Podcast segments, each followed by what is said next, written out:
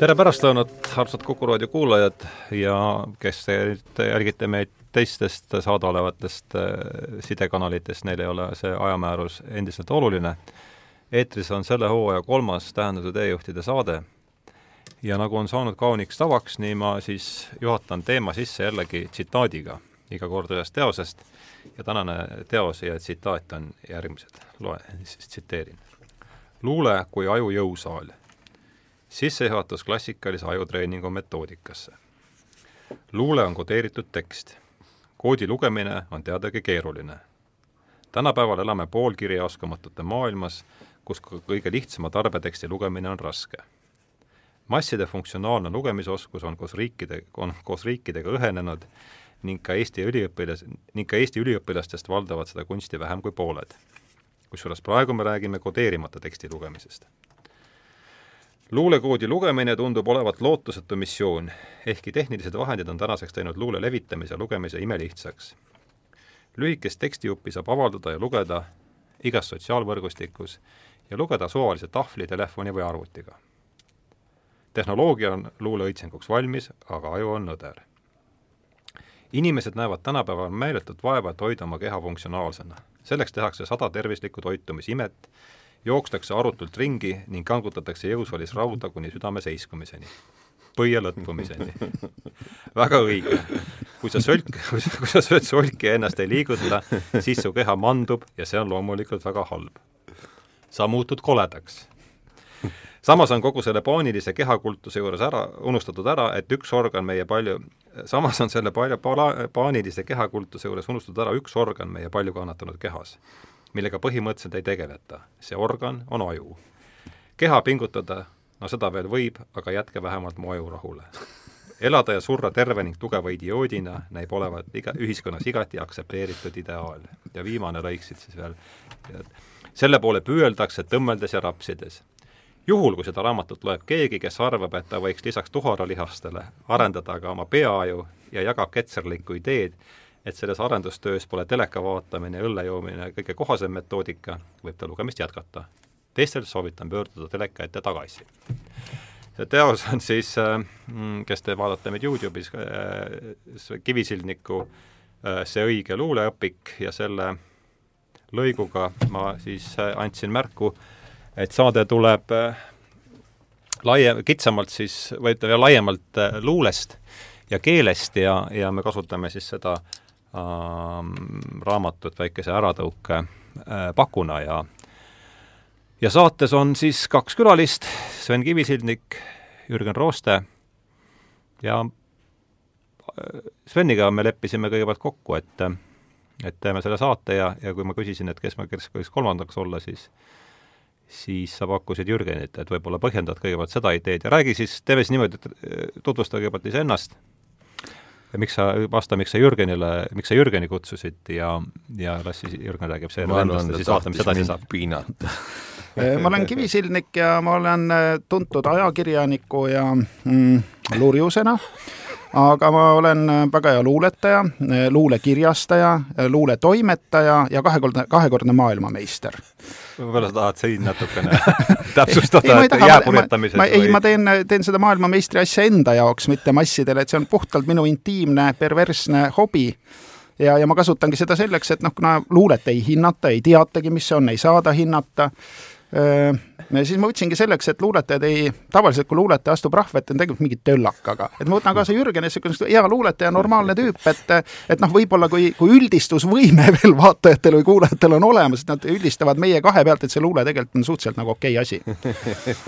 see on see minu salakaval vandenõu. aga räägi ikkagi, räägi ikkagi, kas te, mis alal oled sa maailmameister, jääpurjetamine, kiiking? ei ole, ma olen ühe, ühel strateegilise, strateegilise arvutimängu mängimises sõjamäng, sõjamäng. medal, medal on näidata?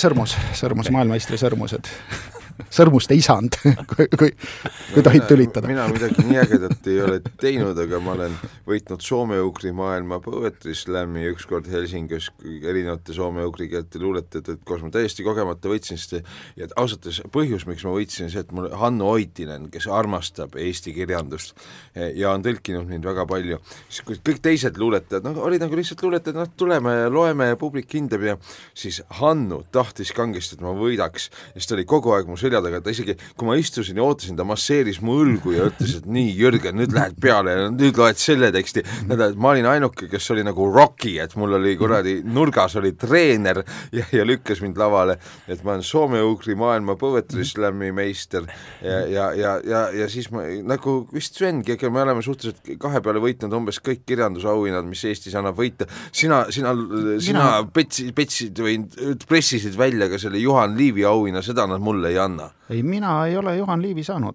ei saanud? ei ole, ma lihtsalt kirjutasin luuletsükli, et mina pean Juhan Liivi auhinna saama. aga ma ei saanud, ma, ma ei saanud. ma olin nii kindel, et sa said selle eest, et see oli nii oivaline tsükkel. ei saanud siis... ma midagi, see on täiesti pekkis auhind, aga ma hakkasin ise välja andma tõelist Juhan Liivi preemiat ja see läks palju paremini, et selles mõttes ma ikka kas ma võin plaksutada aga... vabalt, nii kaua kui me ennast ma tahtsin lihtsalt vahe... tunda ennast stuudios vabalt.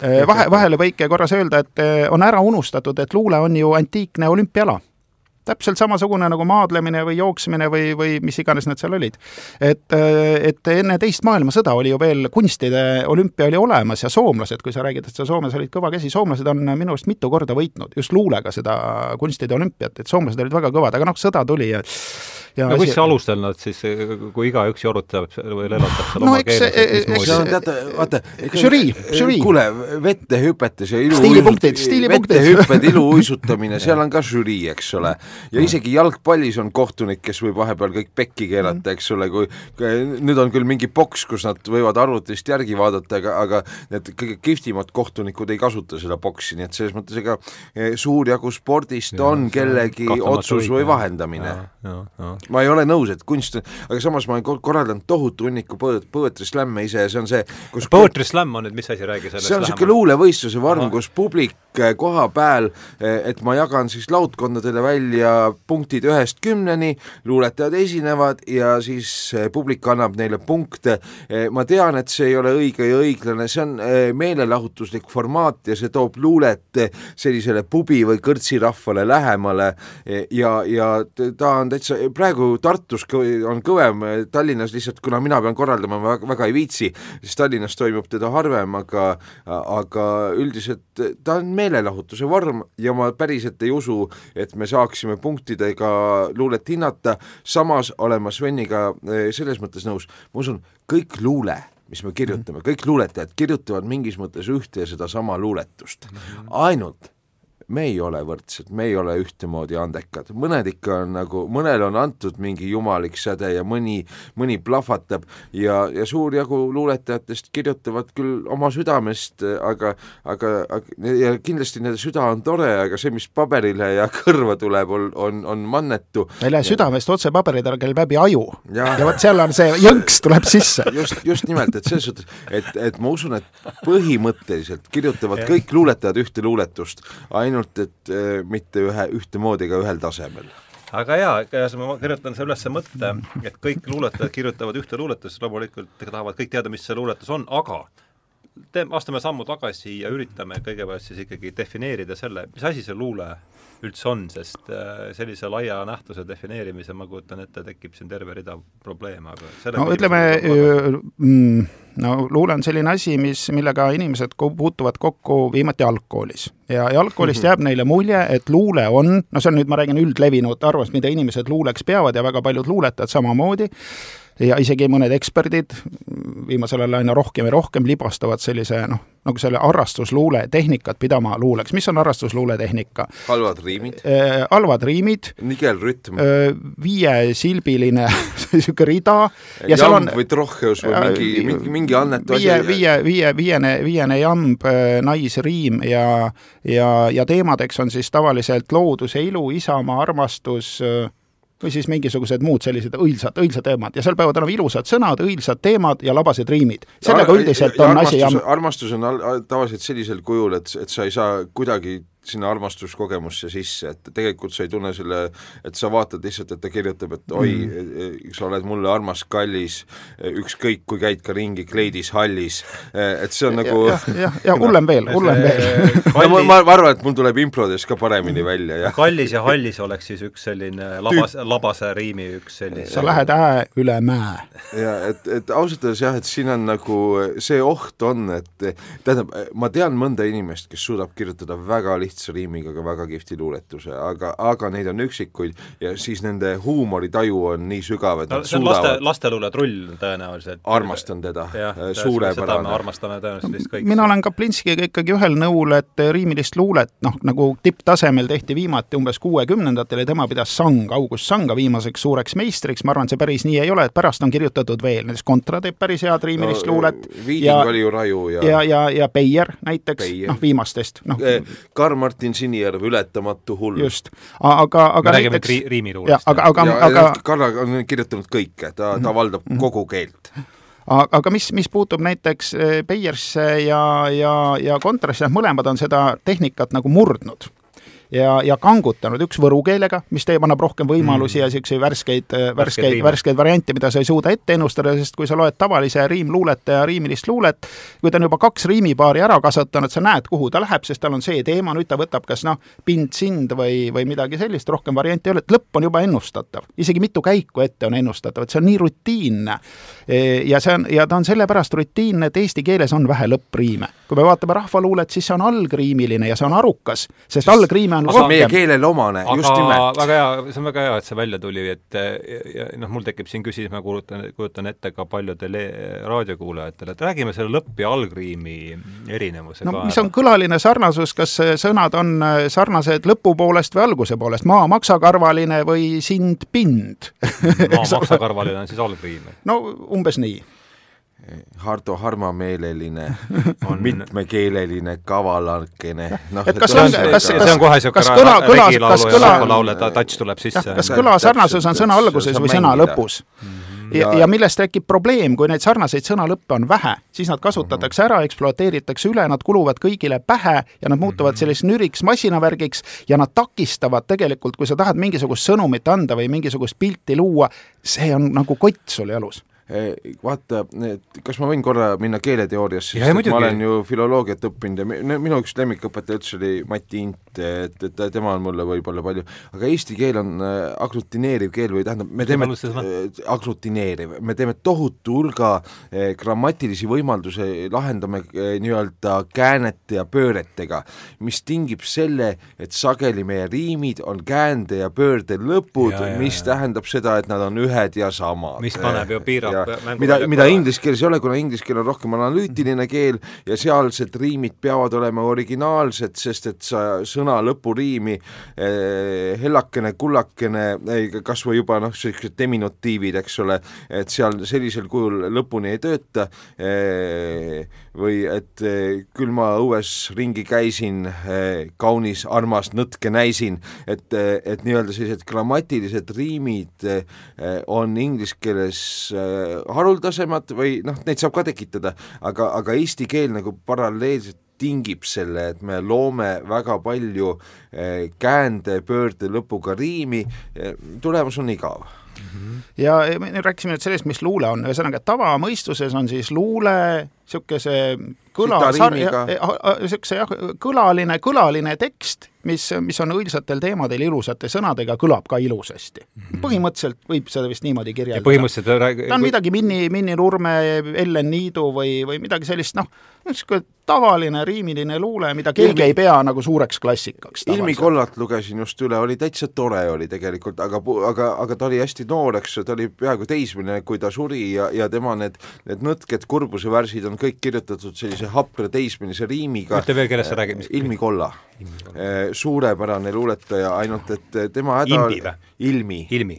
Eh, tema häda oli selles, et ta suri väga noorelt ära ja teine asi, et tal oli täpselt see arusaam, eh, nõuka, nõukaaja alguses taotud arusaam, et korralik luuletus on ikka sellise riimi kütkes ja ahelas ja ja, ja noh, ta kirjutaski umbes ühe raamatu jagu vist korralikku luulet. aga kui te nüüd räägite praegu riimist siin, kas te pea, peame silmas kogu aeg siis seda lõppriimi? jaa, praegu, et kui me räägime nagu kriitiliselt, siis eesti keeles on lõppriimiga natuke vähem võimalusi raske ja neid meistreid on olnud äh, harva äh,, noh, ütleks, et, et Ehin Laaban, Alliksaar Sinijärv kindlasti ja siis noh, okei okay,, sa tõid Uue Maja näiteid ka siin, et Kontra suudab, eks ole. Mhm. tänu sellele, et ta kirjutab võru keeles siis jah, oli see ma arvan no,, Kontra mängib nii ja naa. noh, ja, ja Beier kasutab näiteks päris nimesid, võõrsõnu, slängi või noh, kasutas ütleme niisugust punk, Beier on punkrock luuletaja. et ta kasutab sellist mitte tavalist kõnekeelt, vaid noh, eks ole, paneb mingit vürtsi sinna juurde, mingeid eksootilisemaid sõnu ja siis saab neid eksootilisi riime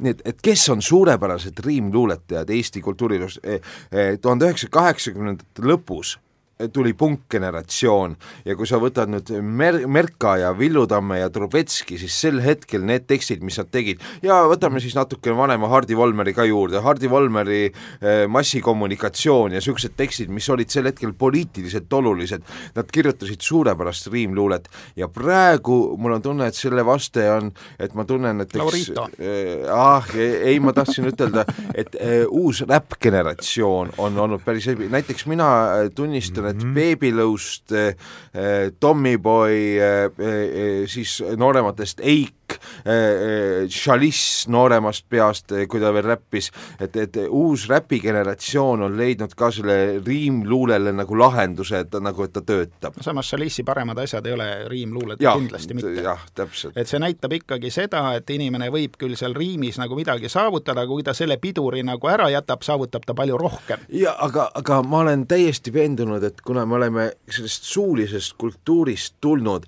Eesti luulet hakati kirja panema eesti keeles Eesti luuletajad umbes noh, circa kakssada aastat tagasi mhm. korralikult.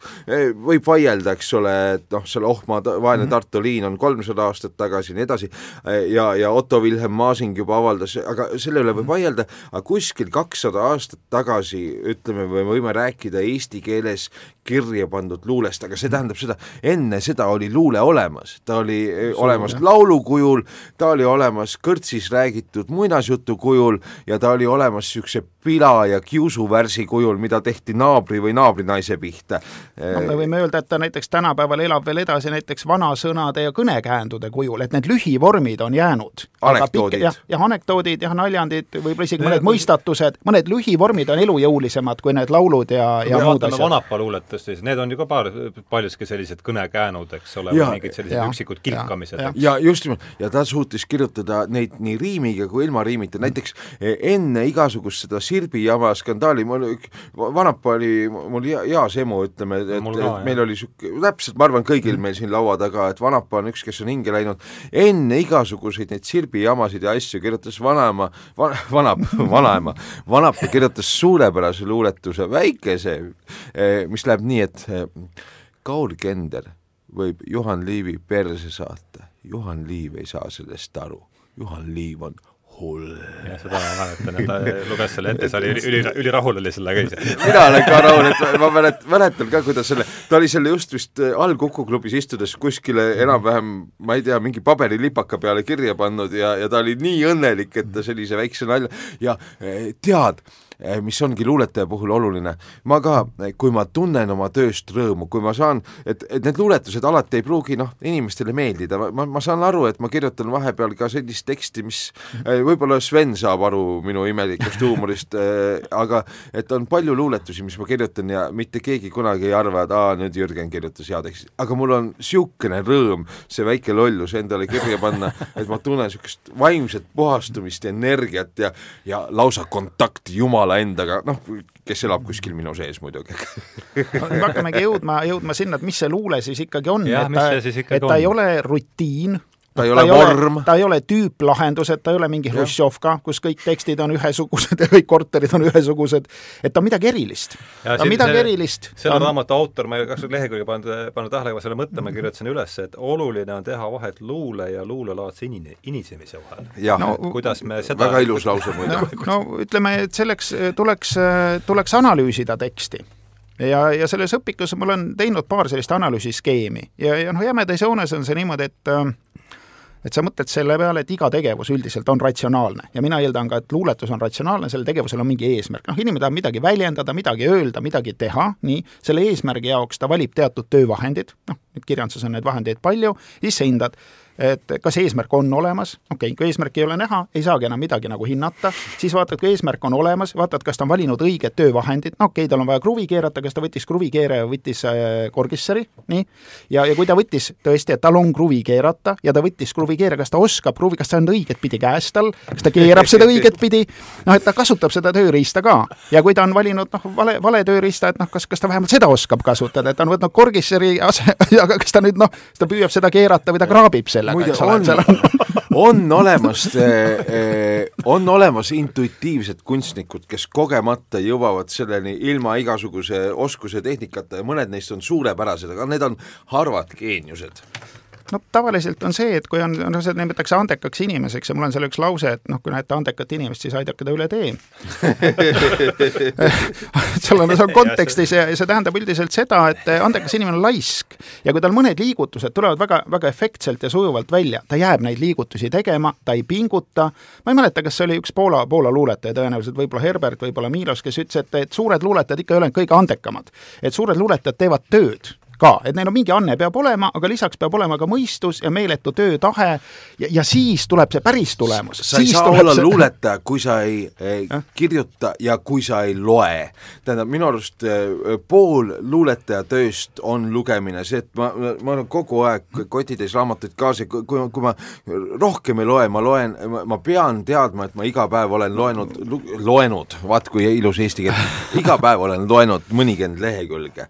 Eh, muide, mis ma enne ütlesin, et eh, eks ole eh, eh, ütlesin selle kohta, et kuidas mm, luule on kuidagi ah,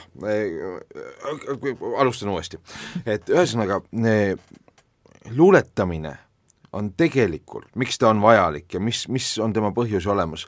luuletamine on inimeseks olemise vahend ja, ja arusaamise vahend, kuidas ja kes me inimestena oleme. ja see ei ole ainult luuletamine, ma olen viimased aastad töötanud väga palju kaasaegse teatri ja tantsuga ja, ja ja nüüd ka nüüdiskunstiga tegelen, mitte et ma, ma ei ole mingi kunstnik, aga ma lihtsalt vaatan ja uurin.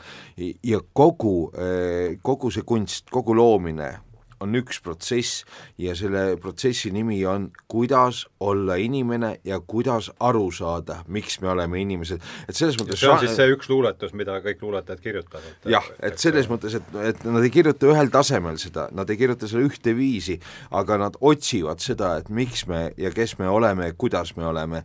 nii et selles mõttes, et ma usun, et see on elamise ja olemise protseduur ja eriti praegu, kui meil nii-öelda päris tööd ühiskonnas, seda tööd, et, et noh, et meil on toit laual eh, ja, ja et me ise teeme selle toidu ja, ja et me jääme ellu ja paneme endale sooja kasuka selga ja elame talve üle, et seda tööd teeb ju mõni protsent ühiskonnast, vähemasti meil siin õnnelikus läänes. Eh, eh, ja mul on tunne, et inimkonnast suurem osa äh, lähitulevikus hakkab tegelema kas sellega, et nad kirjutavad luuletusi ja loovad kunsti ja, ja teevad muusikat ja mõtestavad, et miks me üldse oleme. Ja ma loodan väga, et väga paljud teevad teadust, kaasaegne füüsika on minu jaoks üks kõige põnevam kunstiliik ausalt öeldes. kahtlemata, oota aga ma kardan, et see keelatakse sellest, et suur jagu ühiskonnast hakkab tootma hoopis netipornot see on ka kahtlema ma, ma olen selle, selles mõttes Jürgeniga nõus, et, et äh, et ta on mudel, noh, kas see olemise mudel või tegelikult noh, maailma mudel, et luuletus on nagu Tootsi maakera, okei okay,, natuke lapik, natuke punane, aga ikkagi maakera moodi. Ja, ja, ja rohkem maakera moodi kui see jutt, mida sa lehest loed või see, mida sulle koolis räägitakse või see, mida noh, ühesõnaga, et ta on, ta on tihe, see ongi see tihendav, miks tihedus, seda luulet jah. tihendatakse. sa püüad anda võimalikult väikese tähemärkide arvuga maailma mudeli. Või no nii palju infot, kui sa saad, no maailm ongi see umbes see maksimum, mida võid saada, et sa püüad sinna nagu sellesse ühte luuletusse nagu kõik kokku panna.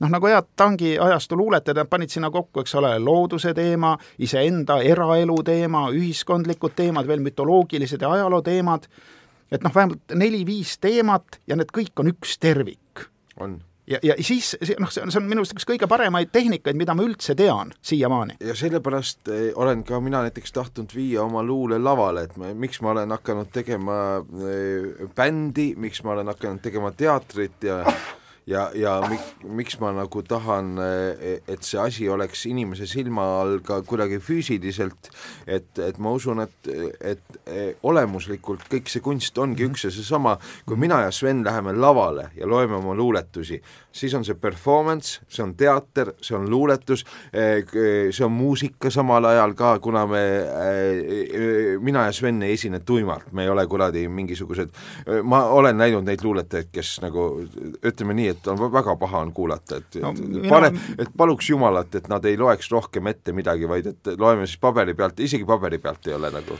aga vaatame, et see nüüd asi püsiks mingis sellises äh, struktuuris või see korra ja kaose vahelises optimaalses sellises äh, tihti raskesti tabatavas mm -hmm. regioonis, et äh, et luule on ikkagi, luule on päris asi, luule on päris asi ta on elu samavõrra kui eh, eh, torutööd või, või, või asfalti valamine või, või see, et sa saad eh, süüa sel päeval, luule on täpselt samavõrra elu. aga lähme siit edasi, et üks lause, mille ma siit välja kir-, kirjutasin Sveni teosest kus me võiks hakata siit nagu edasi arendama, et luuletamine ja see paljuski võt-, kordab seda ja võtab kokku selle, millest me seni oleme rääkinud, et luuletamine on kõiksuse tõlkimine pildikeelde et see no, on ütleme, nüüd üks huvitav siin on nagu äh, mitu põhjust, on see, et äh, inimese noh, see keeleprotsessor on suhteliselt nagu mage asi ja pildiprotsessor tema ajus on kümme tuhat korda võimsam. miks me vaatame telekat, miks me vaatame filme, miks need videoklipid on muusika juurde tekkinud, see on sellepärast, silm on tegelikult see põhiasi. ja kui sa suudad kirjutada teksti, nii et see annab selle visuaalse efekti, alati öeldakse, oi, see oli hea mm. raamat, mul pilt jooksis ees. luuletusega on sama asi.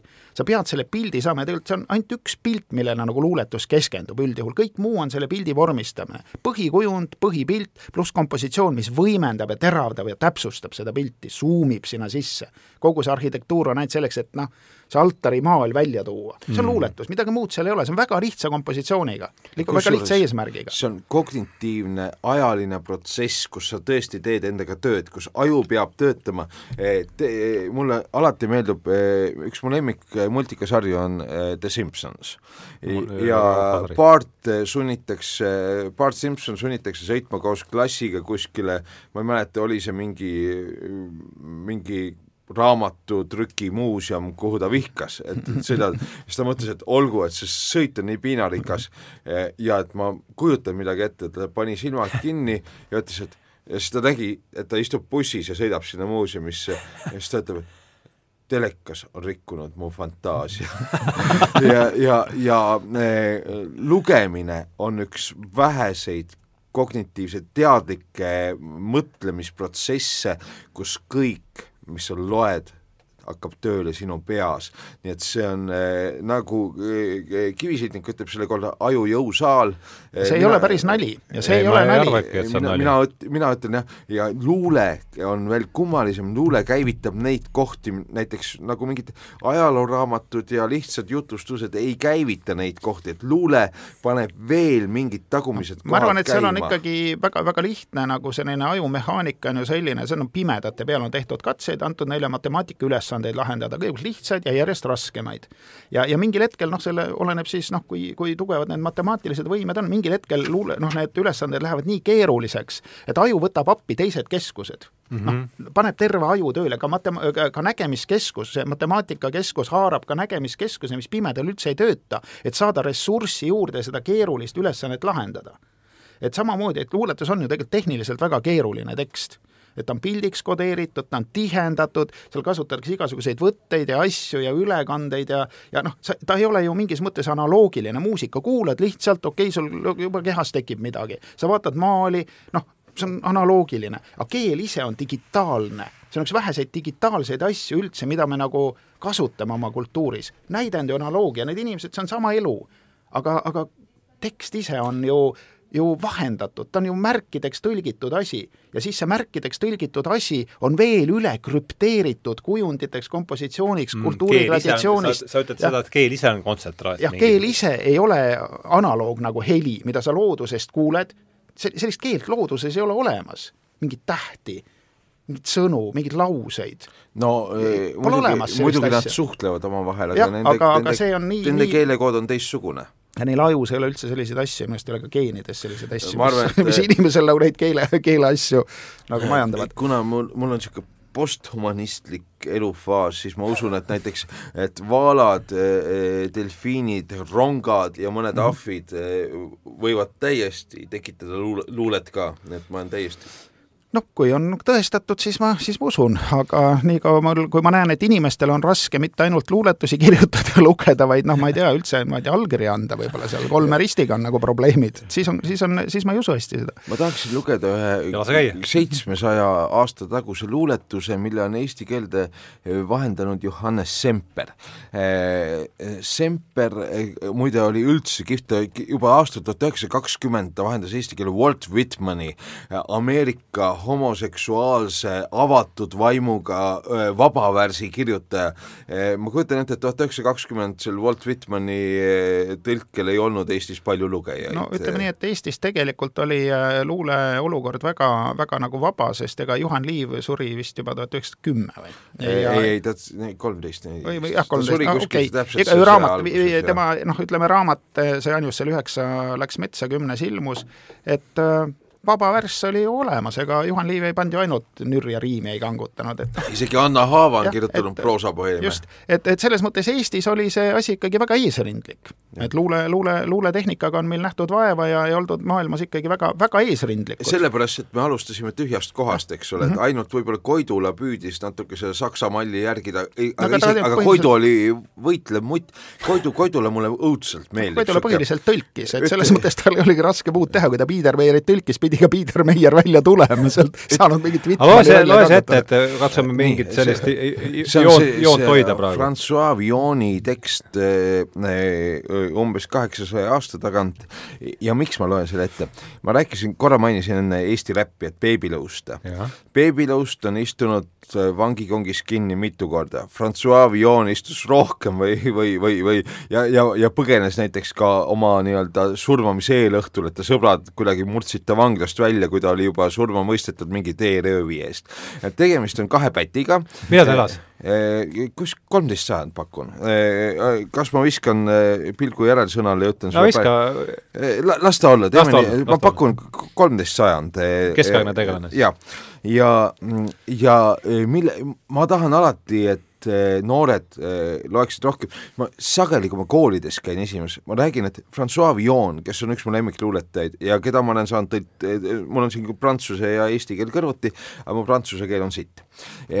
Ja ma alati seletan neile, et vot see on ka üks näide, et luule on mingis mõttes üks ja sama asi, et tegelikult Babylõust, tänapäeva pätina, kes vahepeal kinni istub ja kes on suurepärane luuletaja, ta teeb sama asja, mis tegi kaheksasada aastat tagasi üks teine prantsuse pätt, kes lõpuks ka ikkagi surma sai oma kuritegude pärast, ma loodan, et Babylõustel läheb paremini. no nii, lase tulla. ballaad kadedest keeltest, vaata see Babylõustel on need, kus ta kitsesid sarjab, et neid, kes peale kaebavad. koputajad, jah Booraksis, valges arseen trioksüüdis, lubjas, mis kustutamata ja pigis, sulanud tinas arseen disulfiidis, rasvas, tõrvas ja varvaste higis, saastas ja solgis, roisus ja rögas, pidalitõbiste jalgade uhtmes, huntide rebaste sapil lögas, kõõmas ja kaapes taldade pühkmeis, rästiku veres ja mürgiski veel, keegu kadeda laima ja keel kassirojude hallitanud ajus, marru läinud penide venivas koolas, rapitud kalades sogases laius kollases väävlis, etsivas soolas, higiseks aetud hobuste vahus vees, milles mulistanud kärsad ja koonud, mürgises vees sublimaatide lahus, vees, kuhu heidetud loomad, mis koolnud usside konnade limaski veel, keegu kadeda laimaja keel elava nastiku jahedal nahal veres, mis kuivama pandud on pannil, juuksuri juures just täiskuu ajal räpa ja mustuse loputusvannis, toobris, kus pestnud end roojased naised, nõus kuhu uhutud haigete muhud, sammaspoolikud kärnad ja paised vees, kuhu puistunud nurjunud tuhud, väävlist ja tõrvast suitseval leel, keigu kadeda laima ja keel. Kui teil on nõristuseks korn või sõel või kui te püksipuhi, põhi kulunud võrguks, siis tehke, et need maiuspalad nõrguks ja saadud segus keetke keel, mis õel. see on hea näide esteetilisest loetelust et kui selline tehnika nagu väga meeldib, siis võib võtta loomingu raamatu, kust Genko Jõuda ja võrsed lugeda, lugeda neljakümne teise aasta Alverit või, või Varast Karevat, kus, kus ta kasutab ka, Kareva sageli kasutab ka sellist loetelu nuppu. Jõuda ja võrsed on mis asi?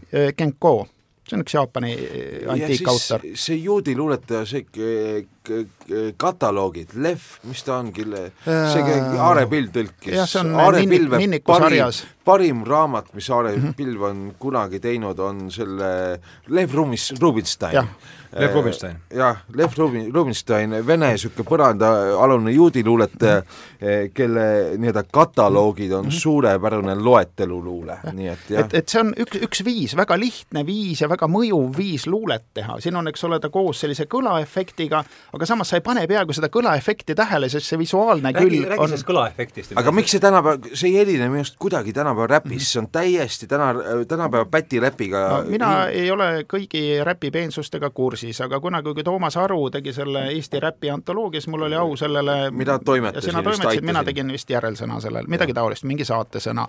ja, ja üldmulje sellest oli see, et et tüübid ei ole lihtsalt raamatuid lugenud, on hakanud kirjutama, aga ei ole kunagi midagi lugenud, et noh, sorry, mina olen raamatuid lugenud ja ma ei, ma ei saa.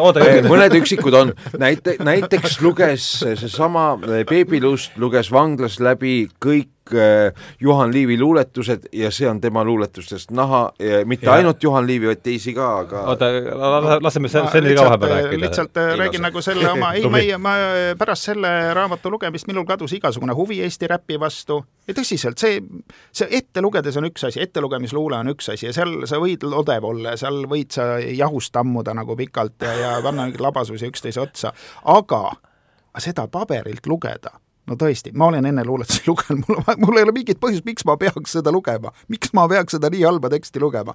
mitte, et seal kõik halb, seal oli paar andekat tüüpi, ma praegu ei mäleta, kes seal, kes seal olid, aga ütleme, see, see on nagu minu kogemus ja, ja pärast seda mina enam ei tegele selle asjaga, ma olen neid esinemas küll ja küll näinud ja, ja see ei ole, see ei ole see, mida mina luul-, seal ei ole tihedust, seal ei ole tihedust, seal ei ole täpsust, seal ei ole delikaatsust kopikast. mina tahan just, et noored hakkaksid lugema ja et nad jõuaksid selleni ja ma olen leidnud, et see on see viis, kui kui nad niisugust luulet juba kuulavad, siis saab Millegi kaudu, ja see on, ma olen Francois Villoni saab neile ka ja, kohale selle... viia, sest Francois ja. räägib nendega. selles mis sa sellest mõttest arvad? kuskilt tuleb alustada ja millegagi tuleb propageerida, aga kas see nüüd on kõige, kõige efektiivsem propagandaviis, ma ei tea, ma näiteks Pärnus palju noh, jalutan ringi ja siis ma näen noori, noh, tänapäeval on neil masinad, millega nad muusikat muusikat kuulavad, on kaasas ja, ja siis äh, ma kuulen seal, noh, seal on eesti ja vene noori on nagu suhteliselt nagu võrdselt kuidagi millegipärast seal suvel.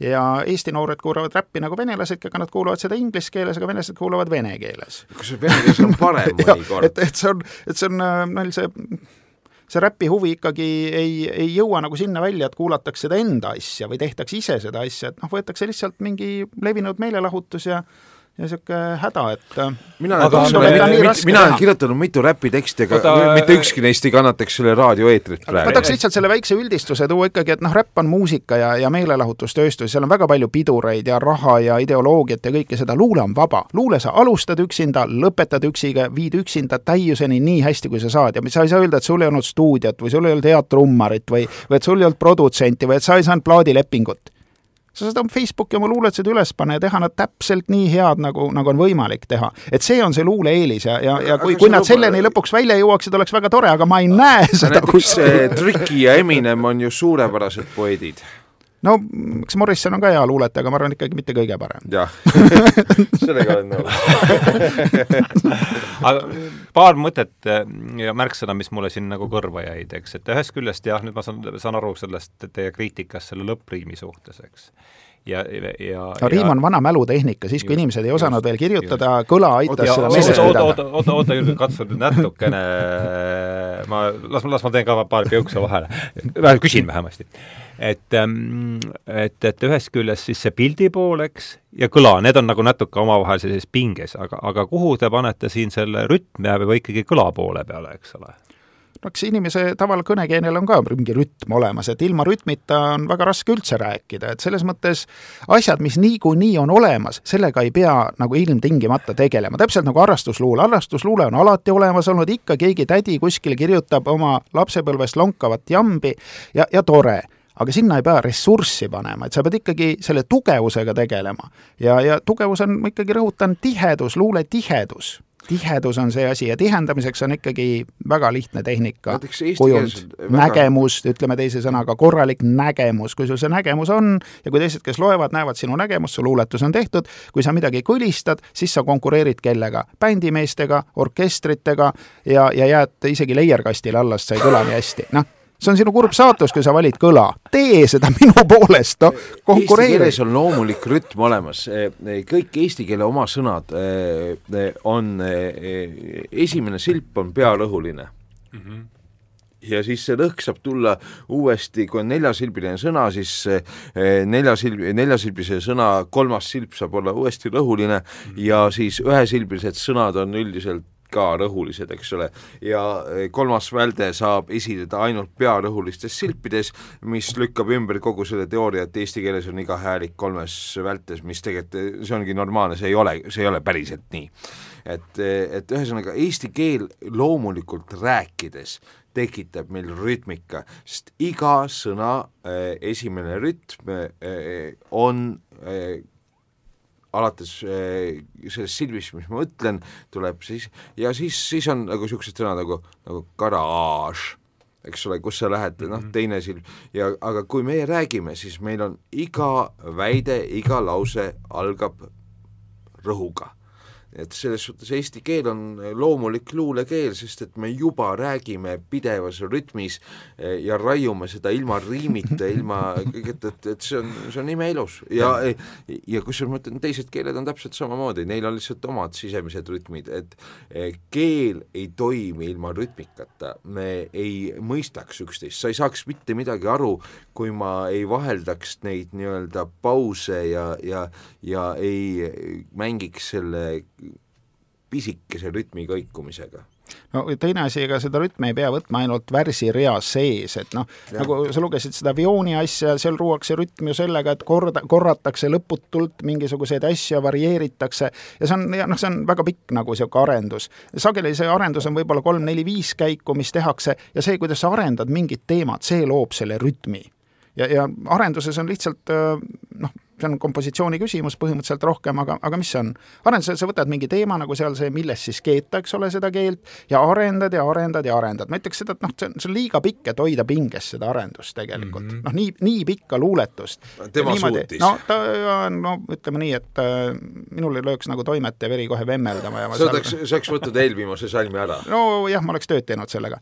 aga ei, sellepärast, et ei ole võimalik pinges hoida. mis on arenduses põhiküsimus? arendus ei tohi olla liiga tuim, ega igav, siis sa ei loe seda edasi, sul hakkab juba igav, mul ka mingil hetkel juba vioonil see tähelepanu hajub, eks ole, sest seda noh, seda suht sarnast materjali, noh, kuigi on kvaliteetne materjal, ikkagi on teda liiga palju, noh, ta ei tööta enam hästi.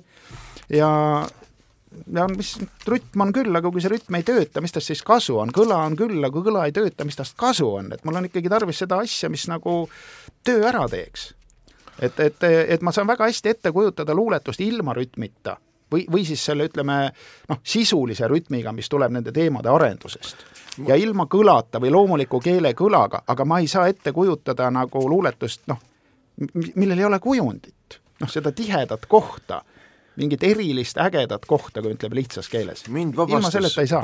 mind vabastas väga, kui ma hakkasin lugema rohkem nii-öelda eh, Kaug-Ida luulet ja seda ja, ja nüüd ma loen ühe asja ette, mille on tõlkinud Kalju Kruusa, see on Hushi luuletus kuskil kahekümnenda sajandi algusaastatest ja, ja Kalju Kruusa on selle pannud niisugune lihtsasse eesti keelde ma loen selle ette.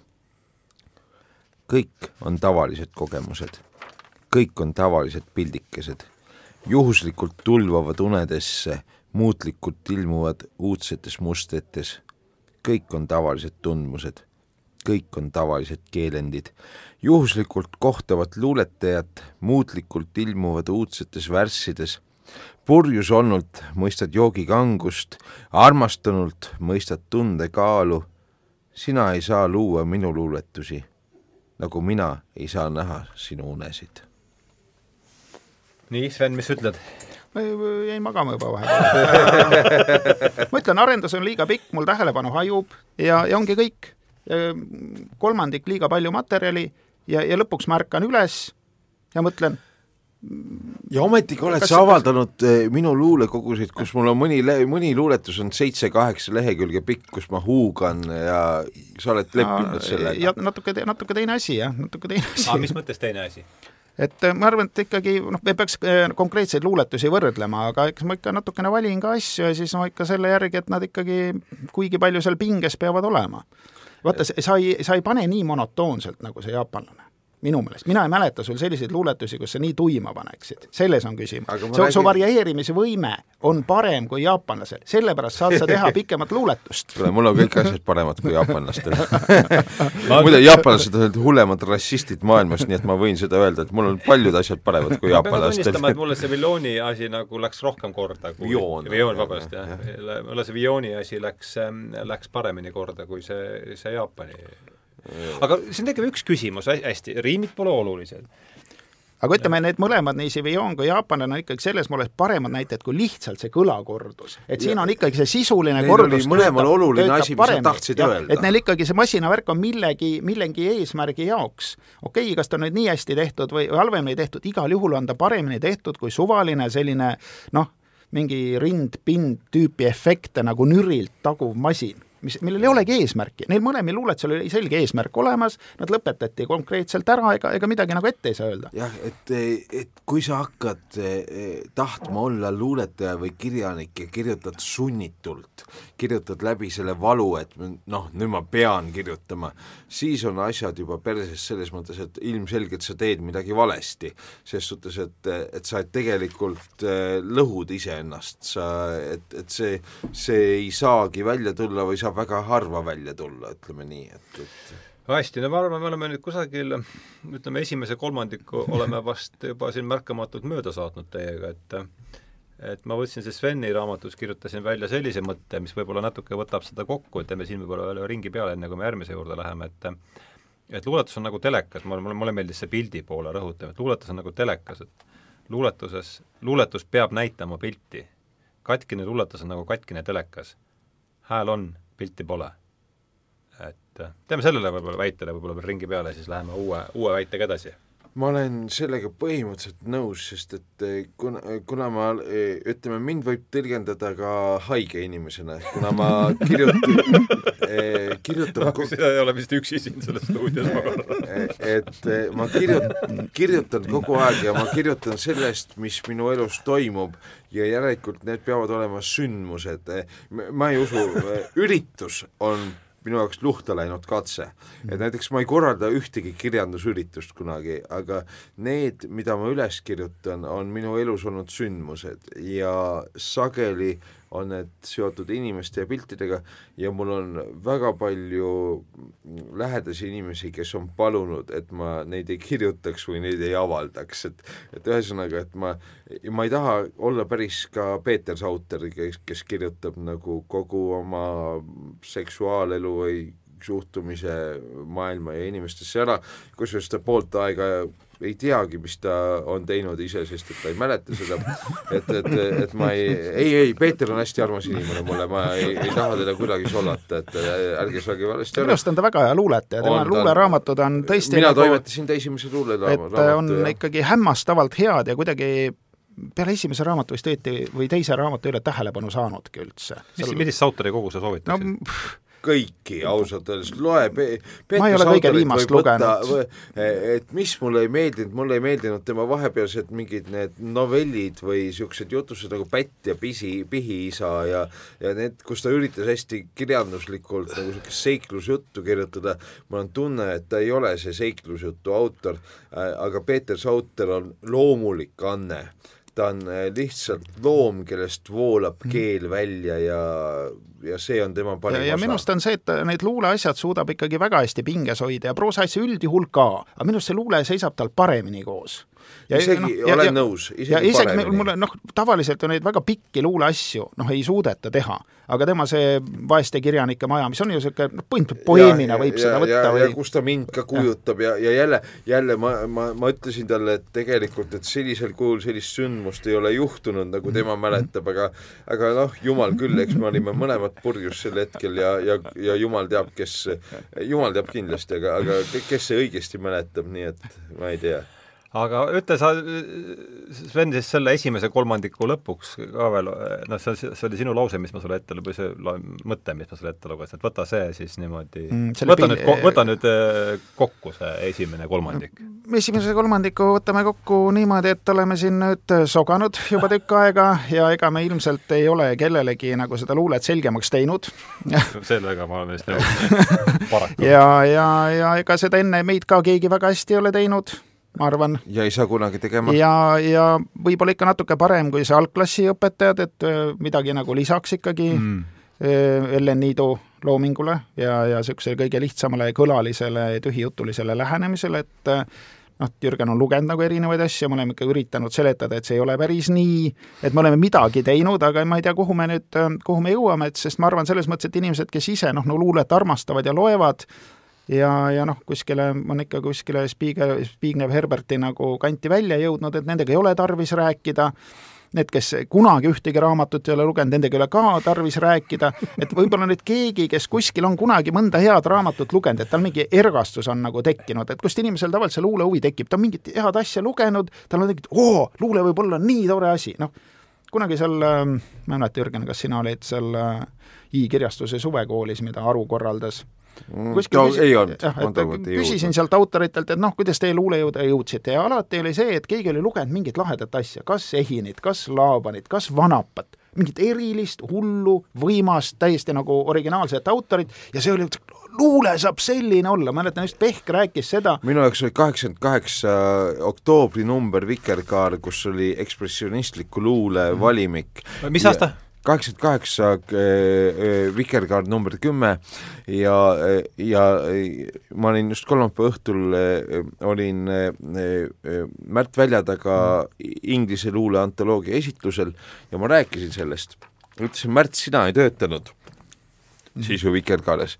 siis Märt ütles, et Jürgen, ma panin selle numbri kokku, et, et tuli esimest korda välja, ma olin noh, ma, ma olin ikka väga noor, tuli välja, et Märt Väljataga on mind omal kombel tõuganud luuletama. mida ma, mida ma ei teadnud, jah.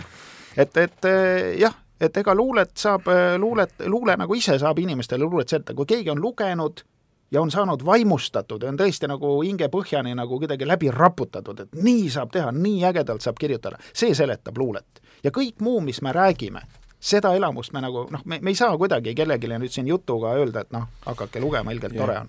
ja see, see viimasel ajal, mis, mis mind kirjutama on pannud, käisin, vaatasin seal Lieta filmi eh, ja kuulsin seal uuesti Victor Joy tekste, seal oli muidugi ka pungiklassikat mm, -hmm. ja, ja järsku ma tahtsin uuesti kirjutama hakata kahe asja pärast, esiteks sellepärast, et eh, ma kuulasin nüüd Victor Joy eh, vana tekst, vanu tekste üle ja teine asi, et et mu noor kallim võttis mu käest ja vaatas mulle silma ja siis mul tekkis tunne, et nüüd on jälle mõtet luulet kirjutada.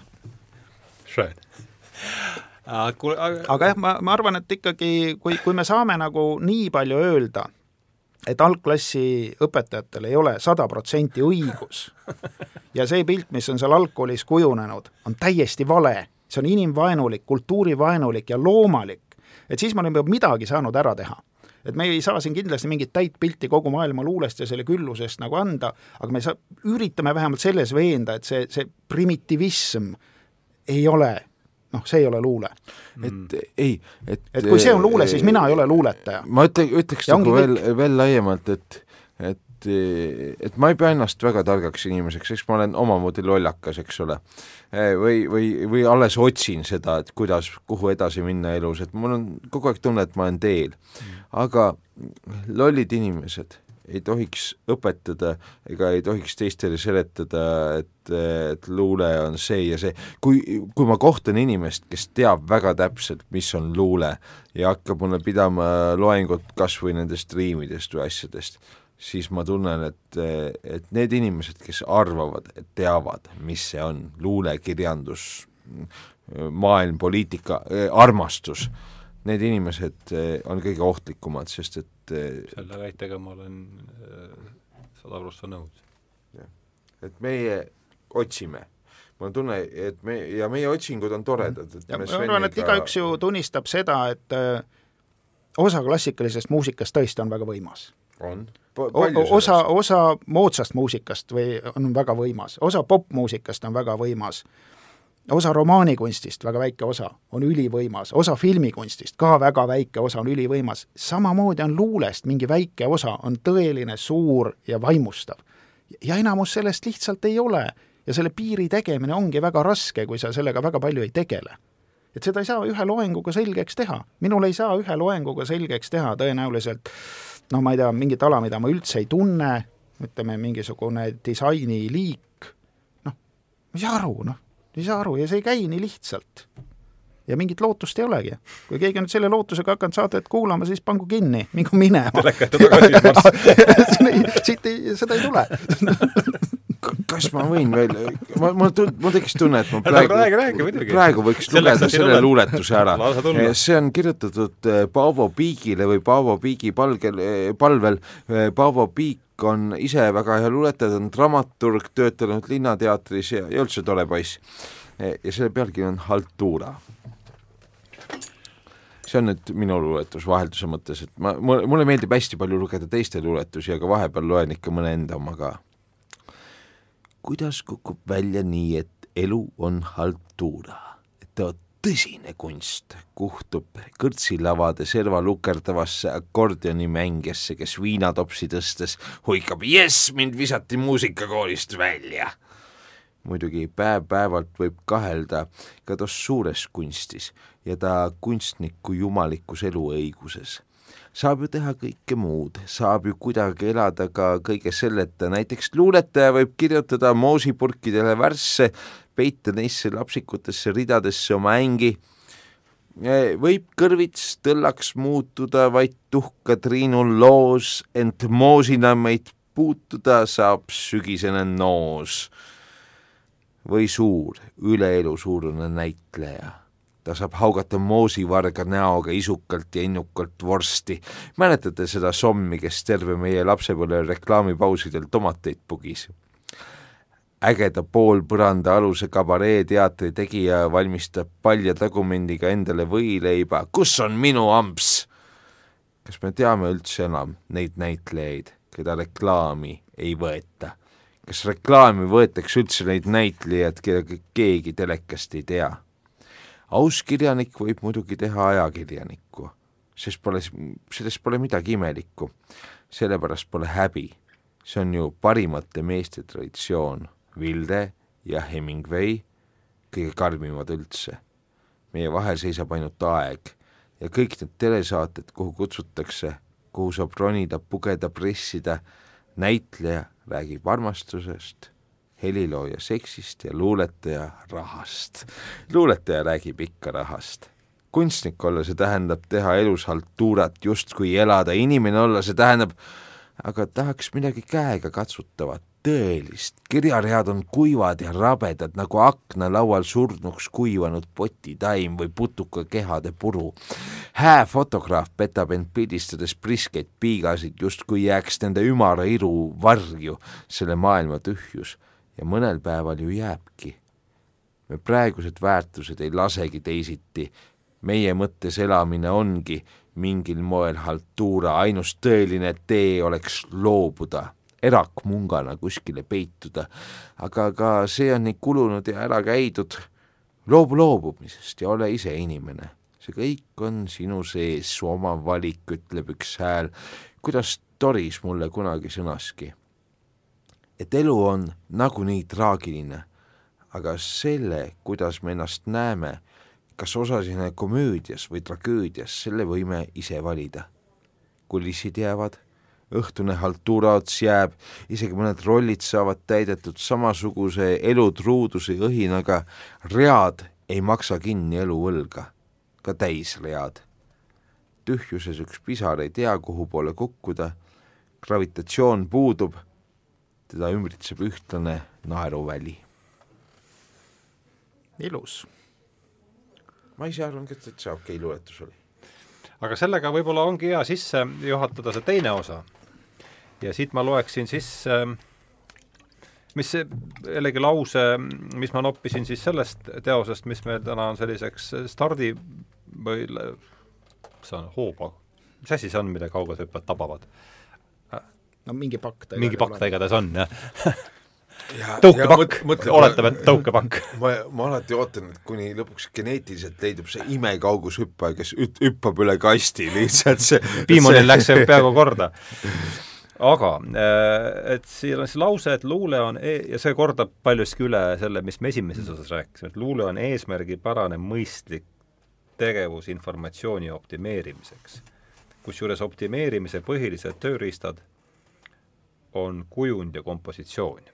et räägime, võtame sellesama äh, sinu äh, sellise pikema luuletuse, mis sa ette lugesid ja ja, ja, ja kujund ja kompositsioon, läheneme sellele, et selle... see oli pigem ju teatud mõttes manifest, et mul oli täiesti kindel asi, mis ma rääkisin, ma rääkisin, mis on kunst ja mis minu jaoks ei ole kunst. eesmärk oli... on väga, väga üheselt selge. eesmärk mm -hmm. oli väga selge, et ma, ma ütleme, et, et, et ta on isegi nagu luuletuse kohta liiga manifestaalne võib-olla, et ta nagu sõnum on ikkagi raiutud sinna no,. samas sa ju kasutad hästi palju selliseid nagu elukatkendeid või elupilte, et selles mõttes noh, pilt ju jooksebki kõrtsi kohal, kohad, torised, värgid, asjad. see akordionist, kes seal ääre peal operdas, see oli päriselt olemas, aga ma ei saa rääkida sellest. abstraktne teema, aga sa räägid väga paljudest konkreetsetest elulistest ja noh, minu meelest küll seal võib täiesti näha seda asja, mida sa, mida see akordionist tuli mul kohe nagu silme ette. siin, siin ei ole mingisugust noh ta on muide suurepärane tegelikult, aga lihtsalt tema elu ega, ega tema ei ole see, kes seal mängib selles, mis see lokaal oli, kus sai omal ajal ka palju aega ta on veedetud, ka selles lokaalis lokaalis üles ütle nüüd, mis see lokaali nimi ei, oli? aga, aga ta, ma ei taha selle lokaali juurde, ärme raadios reklaami tee, aga eh, ta on seal vähe mänginud, aga ta on seal teinud aa, tema ei ole see, kes seal nagu konstantselt püsipoiss. jaa, okei okay,, selge, selge. kusjuures eh, noh, et sa varieerid teemat, aga samas ei ole nii monotoonne nagu see keele kastmise või keele keetmise lugu ja ei ole nii monotoonne ja mehaaniline nagu see jaapanlase luuletus. et see näitab, et kui, kui sa võtad seda noh, sa, sa ei pane ennast nii kitsastesse piiridesse, ei piira ennast kõlaga, ei piira ennast ainult tähendusega, sa võtad natuke kaugemad sarnasused ja kaugemad seosed, siis see asi seisab palju paremini koos ja palju pikemalt koos ja on palju huvitavam ja, ja kui sa abstraktsed teemad seletad läbi eluliste detailide mm., see on väga nagu, väga mõjus tehnika väga mõjus tehnika. abstraktse jah, see on väga ja, igasuguses selge see... informatsiooni ja, optimeerimises ja. on, ma arvan, et just see abstraktsete ideede esitamine läbi eluliste näidete on mingi... tegelikult ju see võti, eks. nagu kuidas Uus Testament, kus jutlustatakse lihtsatele talupoegadele abstraktseid asju, kuidas see käib? läbi see, päris lugude. läbi, läbi talupoja sellise igapäevase reaalsuse. külvamine, ja külvamine, nahk, nahklähkrid,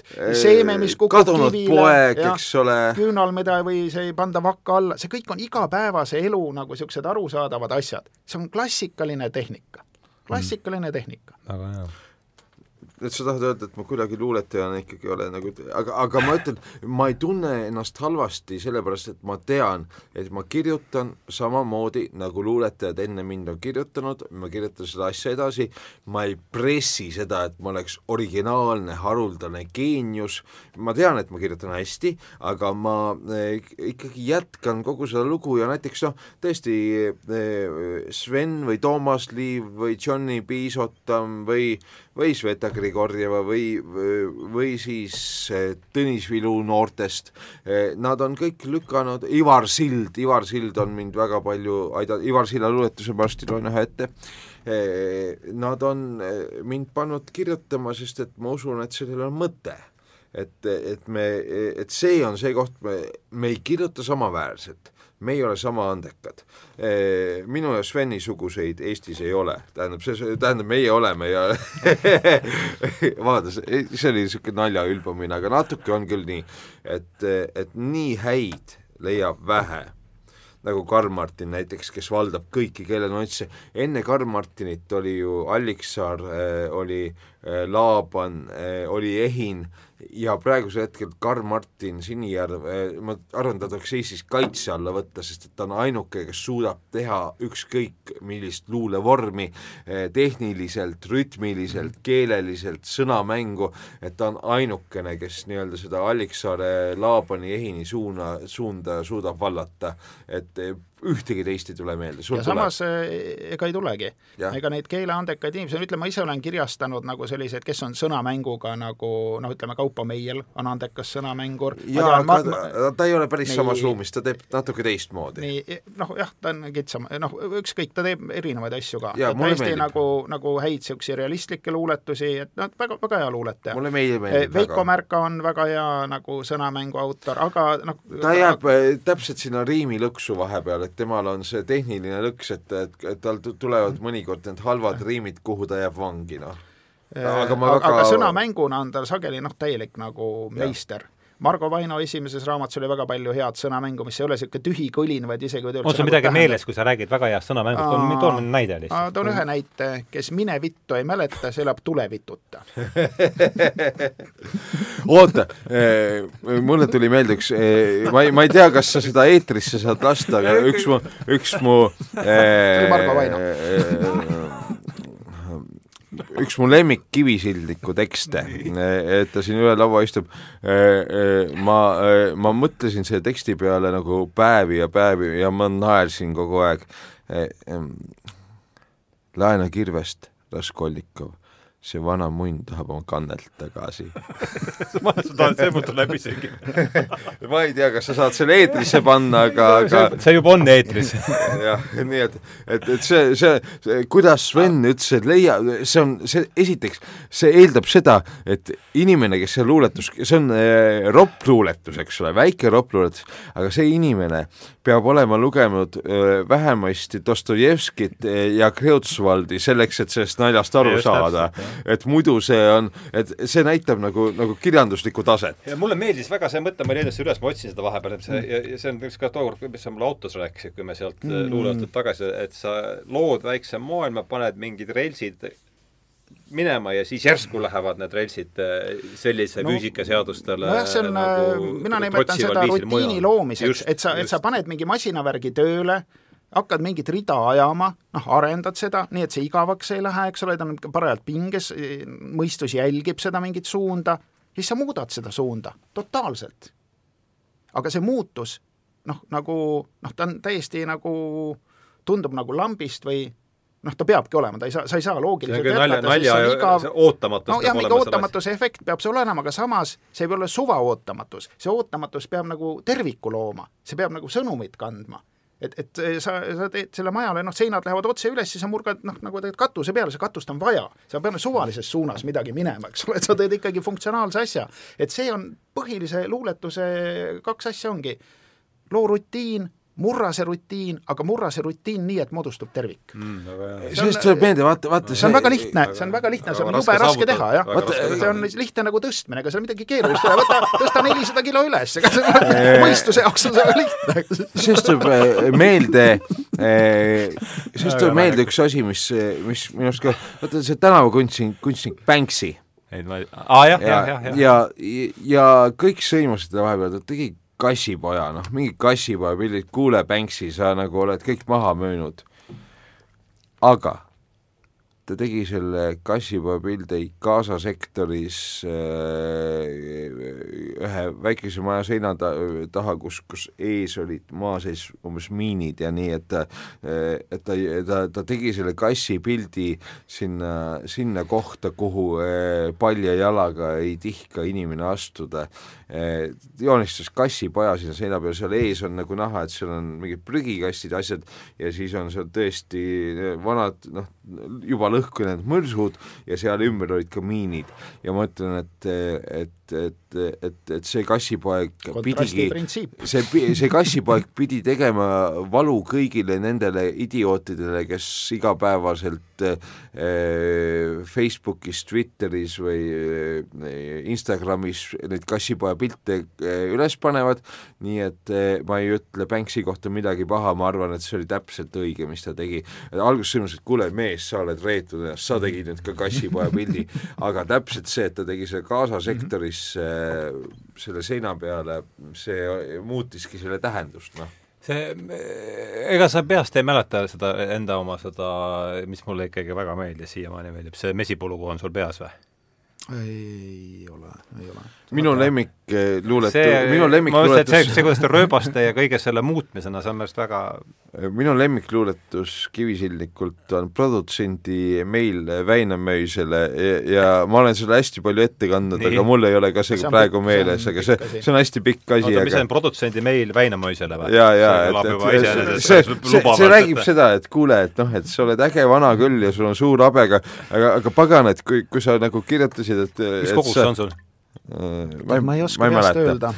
aga, aga et, et, et see, et kui sa kirjutasid meile, et sa laul-, laulad oma vaenlaseid sohu, siis me arvasime, et see on eriefekt aga, aga saad aru, et kui sa laulad nagu paar poiste, poisse, poistebändi lauljat või paar poolpaljast tšikki nagu sohu, et meil tekivad kohtuprotsessid ja javad, aga et sa oled seksikas ja sul on silmades hull säde, siis me nagu mõtleme sulle välja uue lepingu ja see on, see on üks modellilepingu või mingi ja, ja, ja, et modellilepingu. aga, aga see, et, et kõlbad on kutsuvalt lahti ja et see sul on kõlbad kutsuvalt lahti ja sul on hullumeelne pilk ja suur habe. Ja, ja et see, see oli, selle pealkiri on produtsendi nüüd ma sain aru, mis arhetüüp mul vastas istub siin et produtsendi meil Väinamöisele on üks, üks paljudest ja teine asi, eh, mõtel-, mõtelge kõik need raadiokuulajad, kallikesed, eh, Sven kirjutas poeemi Putinile sel hetkel, kui mingit EKRE-t ega midagi polnud olemaski, vabandust, me leppisime kokku, et me enne poliitikast ei räägi, aga Sven kirjutas poeemi Putinile nullindate alguses kuskil ja see on üks suurepärase, Sven ütles seal poeemis Putinile, ütles, et Putin, kuule, tule noh, võta see, aga jäta mulle umbes kakskümmend, kolmkümmend tuhat nagu Päris haritud inimest, et ma, et, et, et, et Ateena sai hakkama ja nende kultuur kestab seni, võta need teised, aga jäta mulle kakskümmend, kolmkümmend tuhat inimest, ma teen nendega nagu selle Eesti kultuuri ära. ja see on suurepärane poeem, see on ka väike roheline ro ja, ja see on soome keelde ka tõlgitud. see on ja. poeem Putinile või? poeem Putinile e,. see on kaunis vana, see on mingi Šmuul on kirjutanud poeemi Stalinile, nii et ma arvan, et see oli otsene jah, see inspiratsiooni ja. asi ja eh, see oli, ma ei tea, kaks tuhat neli või ma ei tea, mis aastal see võis olla. Tallinna Ülikoolis ükskord olin vastuvõtukomisjonis ja, ja, ja tollal oli mu lemmikõpetaja, üks lemmikluuletaja, Toomas Liiv oli ka, ma olin nagu noh, niisuguse noore luuletajana ja noore kirjandusest mõtlejana vastuvõtukomisjonis ja Toomas Liiv istus minu kõrval ja siis tuli ja üks tütarlaps ütles, et ja mm, tuli välja, et ta grammatikateadmised ja oskused olid väga nõrgad ja madalad. Ja, ja, ja, ja siis me küsisime noh, et kirjandus, jaa, ma väga armastan kirjandust, et kirjandus on jah, et see on see, et see ongi, et miks ma siia tulin. Mul läks süda juba soojaks, no inimene armastab kirjandust, tühja see, et ta keelt ei eh, jaga ja las ta olla niiviisi ja, ja siis Toomas Liiv küsis, et, et no mis te siis lugenud olete? noh, viimase aja luulest, kas te teate mõnda Eesti luuletajat, eks, kas tuleb keegi siit lähedusest meelde? no ta mõtles, noh, meie seal kahekesi siis. ta ütles, ei, praegu ei tule midagi meelde. siis, eh, siis Toomas Hiiv küsis, aga, aga, aga mis teile siis Eesti luulest meeldinud on? Liidia Koidula. Eh, jaa, aga, aga et, et kas te suudaksite meile ütelda mõne Liidia Koidula luuletuse või noh, analüüsida mõnda Liidia Koidulast? ei, praegu ei tule meelde. ja see inimene tahtis tulla õppima eesti keelt ja kirjandust. on ta lõpetanud praegu juba või? Ei, teda ei võeta, me, ma olin vastuvõtukomisjonis koos Toomas Rihmi, jumala eest. ma mõtlesin, et, et ta teeb doktorit juba. Karta on, et võib-olla kuskil mingis teises ülikoolis, aga, see... aga oled sa kindel, et ta sealsamas ülikoolis ei loe juba võib-olla ta annab loenguid. see, see neiu oli ikka tõeline erudiit, mina olen vestelnud kuskil võrguavarustes inimestega kirjandusest, no sageli tulevad mulle rääkima, kui halb kirjandus on, et sa oled kirjanduses ja kirjandus ei ole nagu midagi väärt ja, ja, ja nii ja naa ja, ja üldse nii ja ühesõnaga noh, milliseid raamatuid sa siis lugenud oled, et kui me kirjandusest räägime ja see nii halb asi on, et too siis mõni konkreetne näide, siis ta hakkas Titanicu filmist rääkima. Ja siis nagu, siis ma sain aru, siis ma sain aru, mida, siis ma sain aru, millest jutt käib. I will be back again aga vaatame ikkagi sellesama, et nii, luule on siis eesmärgipärane mõistlik tegevus informatsiooni optimeerimiseks ja me rääkisime seda, et ja mina, mina ütleks veel luba, ma nüüd lõpetan ah, sa kogu aeg tahad ise rääkida. ju kogu jaa, just neetud saatejuht et luule on mõistlik tegevus informatsiooni optimeerimiseks ja me rääkisime sellest, et abstraktsete ideede pakendamiseks on kõige paremad need reaalsed veinilährid ja kõik need asjad. eks op-, optimeerimise põhilised tööriistad on kujund ja kompositsioon. võta, ole hea, räägi meile kujundist natukene.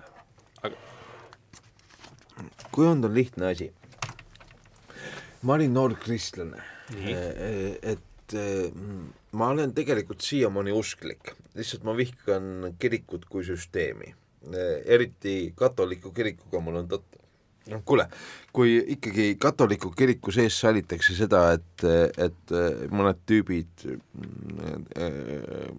neil on seksuaalvahekorras inimestega, kelle vanus ei ulatu üldse sinna, et nad midagi sellest teaksid ja kui katoliku kirik seda valj-, varjab ja anna-, ühesõnaga, ma olin noor kristlane minu ristiisa oli Jaan Kiivit, mitte selles mõttes, ta oli, ta ütles, ta ütles, et kuna mul ei olnud risti, kui mind ristiti, ma, ma läksin ristimisele teismelisena ja kuna mul ei olnud nagu ristiisa, siis Jaan Kiivit nagu ütles, et kuule, et siis ma olen ise ristiisa, sest et noh, peab olema. Jaan Kiivit oli väga tore.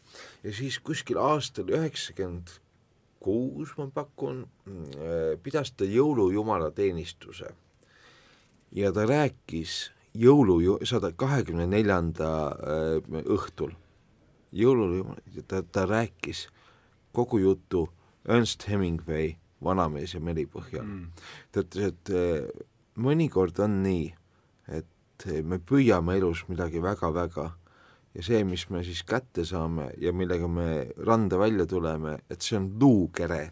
see, et meie unistused ja meie ihad ja millega me lõpuks välja ujume, et, et, et meile jääb kätte see kalaluukere ja me, meie unistus ja see, mida me tahtsime, ei ole see. ja sel hetkel sain ma aru, mis kujund tähendab. nii et, et mul, mul on see teatava tugeva kristliku taustaga ja ma pean siia mõtlema, ütlema, et Ernst Hemingway Vanamees ja meri on minu arust üks ilusamaid luuletusi, mis on kirjutatud, sest ta, ta on nii pisike, ta, ta nagu, romaan ta ei ole, ta on nagu, ta ongi peaaegu luuletus, see Santiago seal mere peal, ta on jutt. Ja, ja, ja vot selle, see, sellel hetkel siis umbes kuueteistaastaselt eh, ma järsku sain aru, mis on kujund et sest, et miks Hemingway selle kirjutas ja millest ta seal räägib ja ma sain seda aru jõulul jumalateenistusel ja ma nägin, kuidas vanamutid kõrval mingid mingis nagu, nad läksid pahaseks, hakkasid, ta, ta ei räägi Jeesus, mis, mis on, ta ei räägi Jeesus, miks ta räägib mm, -hmm. saad aru, kahekümne neljanda detsembri õhtul mm -hmm. sa räägid Hemingway'st ma, ma, ma, ma ei, ma ei usu, et see minu pärast oli, et ta selle valiku tegi, et, et mina seal olin. ma arvan, et ta lihtsalt tahtiski inimlikult rääkida, kuidas me inimestena elame.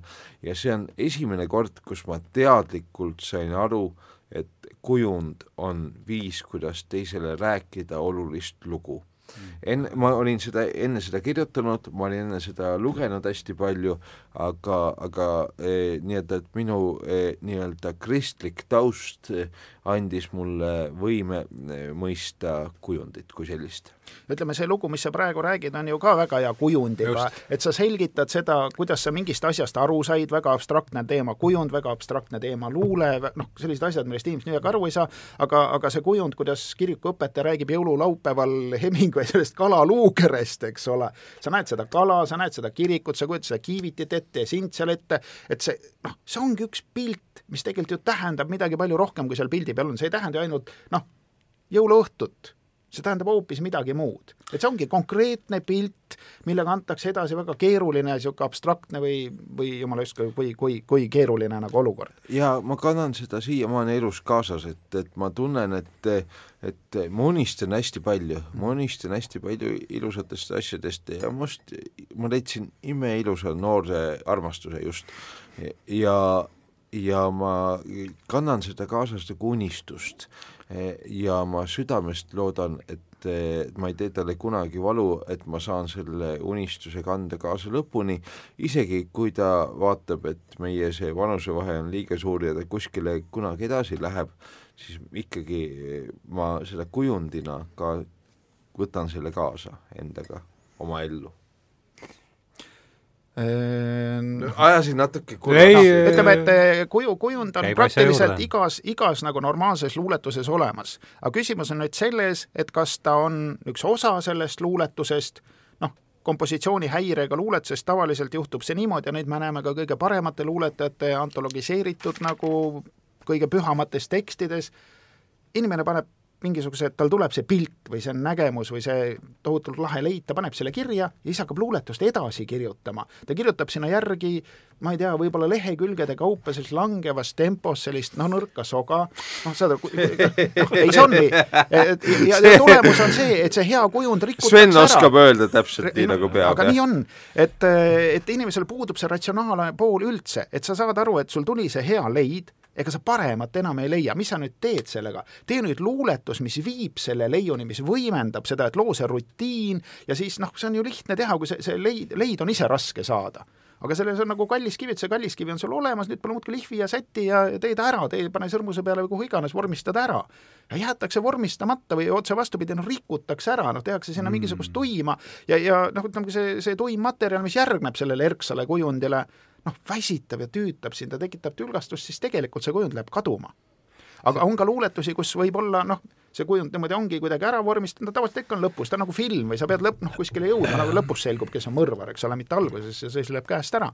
ja või, või siis on terve luuletus on üks kujund, umbes nagu sinu jutt, et seal ei saa öelda, seal ei ole kujund kirik, seal ei ole kujund kiivid, seal ei ole kujund sina ise, see, see olukord kõik kokku on, on see kujund jah, Hemingway. jah ja., huvitav, see Hemingway'ga seoses mul võib-olla haakub see nat-, ma arvan, et see haakub natuke selle Hemingway mis, on üks mu lemmikkirjanikke. mis, mis Sven just rääkis, et see, et ma käisin Toomas Pauli viimase esseekogumiku esitlusel ja seal keegi küsis, et, et mida, kuidas, kas on mingeid knihve anda inimestele, kes kirjutavad ja siis ta ütles just, tsiteeris Hemingway'd, et et selleks, et kirjutada Vanamehest ja merd, pead sa teadma kõike Vanamehest ja kõike merest ja lõpuks selle kõik välja jätma et see tundus olevat väga, ma noh, ma ei tea, kuidagi see kompositsiooni ja selle taustal, mis sa rääkisid. noh, enne kui jõuad Vanamehe mereni, pead nooruses pornograafilisi luuletusi kirjutama. nojah, mul tule ma olen kirjutanud seksuaalseid eh, por-, pornograafilisi ma ei saa praegu vist ette kanda, mul on paar tükki peas, et eh, Vanapaaga, vaata Vanapaa on meil siin mitu korda läbi käinud täna juba, ma mäletan, ma kunagi küsisin ta käest, et kuule, Vanapaa, kas sa oled lugenud ka kriminaalromaane? Ütles, et jah, et ikka, et laps, poisikesena seal niimoodi ema eest äh, varjul äh, teki all äh, siis valgus selle taskulambiga, siis nojah, et pärast seda tuli seksuaalkirjandus ja see jäigi. Vanapaa kirjutas ju selle imeilusa luuletuse, et, et maailmas on kahte sorti rahvaid, meesterahvad ja naisterahvad, just. aga ma tahaksin lugeda teistmoodi oli see jaa, ma võib-olla täpne sõnastus. meesterahvad, naisterahvad, need on ainukesed rahvad, on niimoodi, oli see täpselt. Aga ma loeksin teile ühe Ivar Silla luuletuse, kuna Ivar Sild kunagi tõesti ja kusjuures ju eh, kõik arvavad, et eh, Sven Kivisildnik on kohutav teadlik eh, rahvusseksuaal- ja vaimupuhtuse esindaja. Sven, aga Sven on üks väheseid, kes on suutnud ka näiteks avaldada Ivarit. Ja noh, mind mitte lihtsalt avaldada, vaid ka toimetada ja toimetada nii, et eh, raamat läheb ikka nagu ikka oluliselt paremaks, erinevast nüüd sellest, mida sina loed. ja, ja ise ja, toimetamata kujul välja andnud mingi arusaamatuse tõttu ma, ma loen ühe Ivar Silla luuletuse. vaikimise ja vaikuse kohad. kas te tahate, et ma vaikiks ja mõned teised ka? mõnikord olen ma tõesti tumm, eriti kui mu sisim laps on haiget saanud. Mõnikord ma röögatan enne, kui jooksu pistan. ma tõesti veel tunnen ja piinlen. sellises vanuseks võiks juba tuimalt eh, tühmelt jõllata USA märulit Itaalia pornot või kodumaiseid sisutuid seepe. sellises vanuses võiks juba lüüa kirve jalga ja naeratada, keelde hammustada vappe külmadetagi. mõnikord olen ma tõesti tumm, kellegi lein mu juures. Vaikin, kui võin, sõnad ei. kas siis vaikin, kui abituks muutunud mõistus ja meeled tigedast suminast, keldris on üsna vaikne, kui seal just hiiri ei ole. metsas on üsna vaikne, harvil hetkil enne äikest, vee all vaid vererõhu kohin häirida. teki all on ka üsna vaikne, kui sa just ei nihel ega norska. vaikus on võrdsustav, kui kõik on vait. Ühes riigis me vaikisimegi, kes ütles see viidi, ses kaunis riigis oli meie rahvuski saladus ja tahe. kes te tahate, et ma vaikiks ja mõned teised ka, no aga laulge mind kurdiks või karjuge gaasikus, noaga üle kõri aitaks vist ka. mis ütled kriitikuna? minu arust on nagu natuke liiga harali. Minu arust on natuke liiga harali see asi. tihendamata arust see raamat ongi selline, et noh, Ivar ise ütleb selle kohta, et see on tema stiil või, või talle meeldib nii või, või tema teebki niimoodi, et see on nagu õige. aga minu meelest on see raamat, ongi sellised luuletused, mis on natuke liiga harali, et tema paremad luuletused minu arust on suurepärased ja väga kompaktsed, aga noh, ma ei oska öelda, noh Harali siis sa ütled, kas no ta kas... nagu ei ole keskendatud. võib-olla Kiviseideks sa oled lihtsalt parem toimetaja kui mina, sa, et mina, minule näiteks niisugune tekst meeldib, aga ei, see ei ole mingi katastroof, ei ole, aga ma ütlen, minu jaoks noh, Ivari paremate asjadega võrreldes, mis ongi, ongi nagu niisugused noh, läheb ja, ja teeb ära ja nagu õpiku näited, eks ole. et noh, see nagu noh, ei ole halb luuletus, aga noh, õpiku näide ka ei ole, et niisugune noh, tubli tükk, tubli tükk, ega siis mingit midagi hullu ei ole. ma kirjutasin endale üles, et jäi mulle niisugune ilus sõna või mitte, kas ta, ikka ilus sõna jah, et see, aga tõmbasin kaks joont alla, see kompositsioonihäire no see ongi minu arust ei olnud, ta, ta lahendas ju selle kujundi lõpuks ära, et ta ei, ma ei, mitte, ma ei räägi selle ah, konkreetse okay., üldse sõnana, et see komposi-, et mis see on väga paljudel noortel on see, et sa hakkad luuletust kirjutama ja sul tuleb mingi väga hea mõte, ütleme, väga hea kujund. näiteks see kujund on see, et äh, täna mind riivas su riivatus. okei okay,, see on kõlakujund, aga, aga, aga samas on ka see sisu, noh, et ma olen tutvunud niisuguste tütarlastega, et sa võid täiesti öelda, täna mind riivas su riivatus ja siis sa hakkad sellest ehitama ja enamikul neist noortest läheb see poole peal kaduma, siis nad hakkavad rääkimagi mingit igavat seksijuttu ja nad ei räägi lõpuni seda kuidagi, mis nad tunnevad ja nad ei suuda seda nagu kokku punuda. see oleks siis näide kompositsiooni häirest? jah et no sa... üks kompositsioonihäire ongi see, et äh, võetakse mingi teema, tuleb üks hea leid sellega ja siis hakatakse nagu mehaaniliselt läbi käima kõike, mis nagu seostub sellega, kas sarnaseid ütlemisi või, või midagi taolist, aga see ei vii tegelikult sinu asja kuidagi edasi. sa oled nagu keele, keel lohistab sind enda järel või noh, annab sulle need variandid, rohkem neid variante ei ole, okei okay,, autor siis käib nad peas keel läbi. lohistab sind ja, enda järel. keel valitseb sind, mitte sina ei valitse keelt. et seda juhtub väga sageli ka riimiga, sõnamängudega, kõigi selliste keelepõhiste kui sa jääd riimimängu vangi. kui sa jääd keelde kinni, sa ei aja enam oma asja, vaid sa lähed nagu neid keelerööpaid mööda ja kui sa ei suuda sealt lõpuks välja tulla, noh siis on kuri karjas. mul, mul näiteks on üks luuletus, kus ma jäin natukene selle rütmi vangi, aga samas ma rabelesin seal et ma arvan, võin selle ka ette lugeda, et no, et, et, et kus ma tundsin ise, et et see nii-öelda rütmik hakkas mind kontrollima, kuigi kõik on, samas see oli realistlik pilt, ma nägin, et see kõik on päriselt juhtunud, ainult et ma kirjutasin ennast ise sõnade vangi. istun valge videviku varjus, džinnikarva hägujoogiga. Kollasukna läheb mööda, vaatab kelmi pilguga, no kes see veider habemik on, kelle jaoks mu sukk nii pikk, et lõppeda ei taha ja miks ta muigab, kas ta näeb mu rohesilme taha, see on peaaegu minu olemise õigustus, see on mu elu. taevaks põrguks lõigutus, et istun siin ja elu voolab mööda nagu jõgi, seesama, kuhu astunud olen juba paar-kolm korda. Minule see luuletus, ütleme nendest viimastest meeldis võib-olla kõige enam. Aga ma ei ole muidugi luulespetsialist, me oleme võib-olla sinna algkooli pisut kinni jäänud aga.... ja, ja mina ise tundsin, et ma jäin siin nagu sellesse te tehnikasse või kõlasse kinni, ma ei mis tea, Sven peab nüüd ma isegi nii väga ei kurdaks, jah aga, aga ma tuleks jutuga, noh ei, mitte, ei tahagi nagu ühest luuletusest rääkida, luuletus on ju kobe, mis seal nii väga. et ei, ei minu meelest küll ei ole häda, häda midagi, aga et noh, mis see kompositsiooni häire võiks olla, et noh, üks kõige tavalisem häire on see, et koosneb erinevatest asjadest ja need asjad ei toeta üksteist, noh, neil on nagu midagi ühist, laguneb ära, noh, inimene püüab seda kuidagi nagu ta võib, tema enda jaoks võib nad kuidagi seostuvad, kas tema mingite väga isiklike assotsiatsioonide või millegi põhjal, aga mina seda loen, see on lihtsalt üks hulk erinevaid tekstilõike ja ongi kõik. ja ma arvan, nii igaüks loeb seda aga, aga tundub, et paljudele ka meeldib näiteks, ma ei tea, Lux näiteks äh,, Silda arvas, sest temale meeldisid just vist esimesed raamatud, kus minu meelest just sellist noh, täiesti sellist aga Luxi puhul on see keeruline asi, et Lux on just nagu niisugune kummaline kriitika, aga Lux ei ole elu sees ise kirjutanud ühtegi teksti, mis oleks nii äge, et see nagu no tal ikka mõned asjad on. tal on, okei okay,, mõned okei okay asjad on tal, jah kuulge, aga hästi, võtame nüüd, hakkame seda teist poolt ka kokku tõmbama siis, et, et siis saaks kolmandasse minna, et äh, mis siis, ma üritan siis nüüd natuke kokku võtta sellest, mida ma olen punkt üks kuulnud ja millest ma olen aru saanud, sest ega ma, mis ma aru ei saanud, seda ma ei oska sõnastada et... no räägime kompositsioonist ära, et luuletuse kompositsioon on ikkagi lihtne asi, nagu Kunder ütles, et romaan on keerulise kompositsiooniga asi, aga luuletus, ta on ju lühike. mis seal siis tegelikult on? seal on algus, arendus mm -hmm. ja lõpp.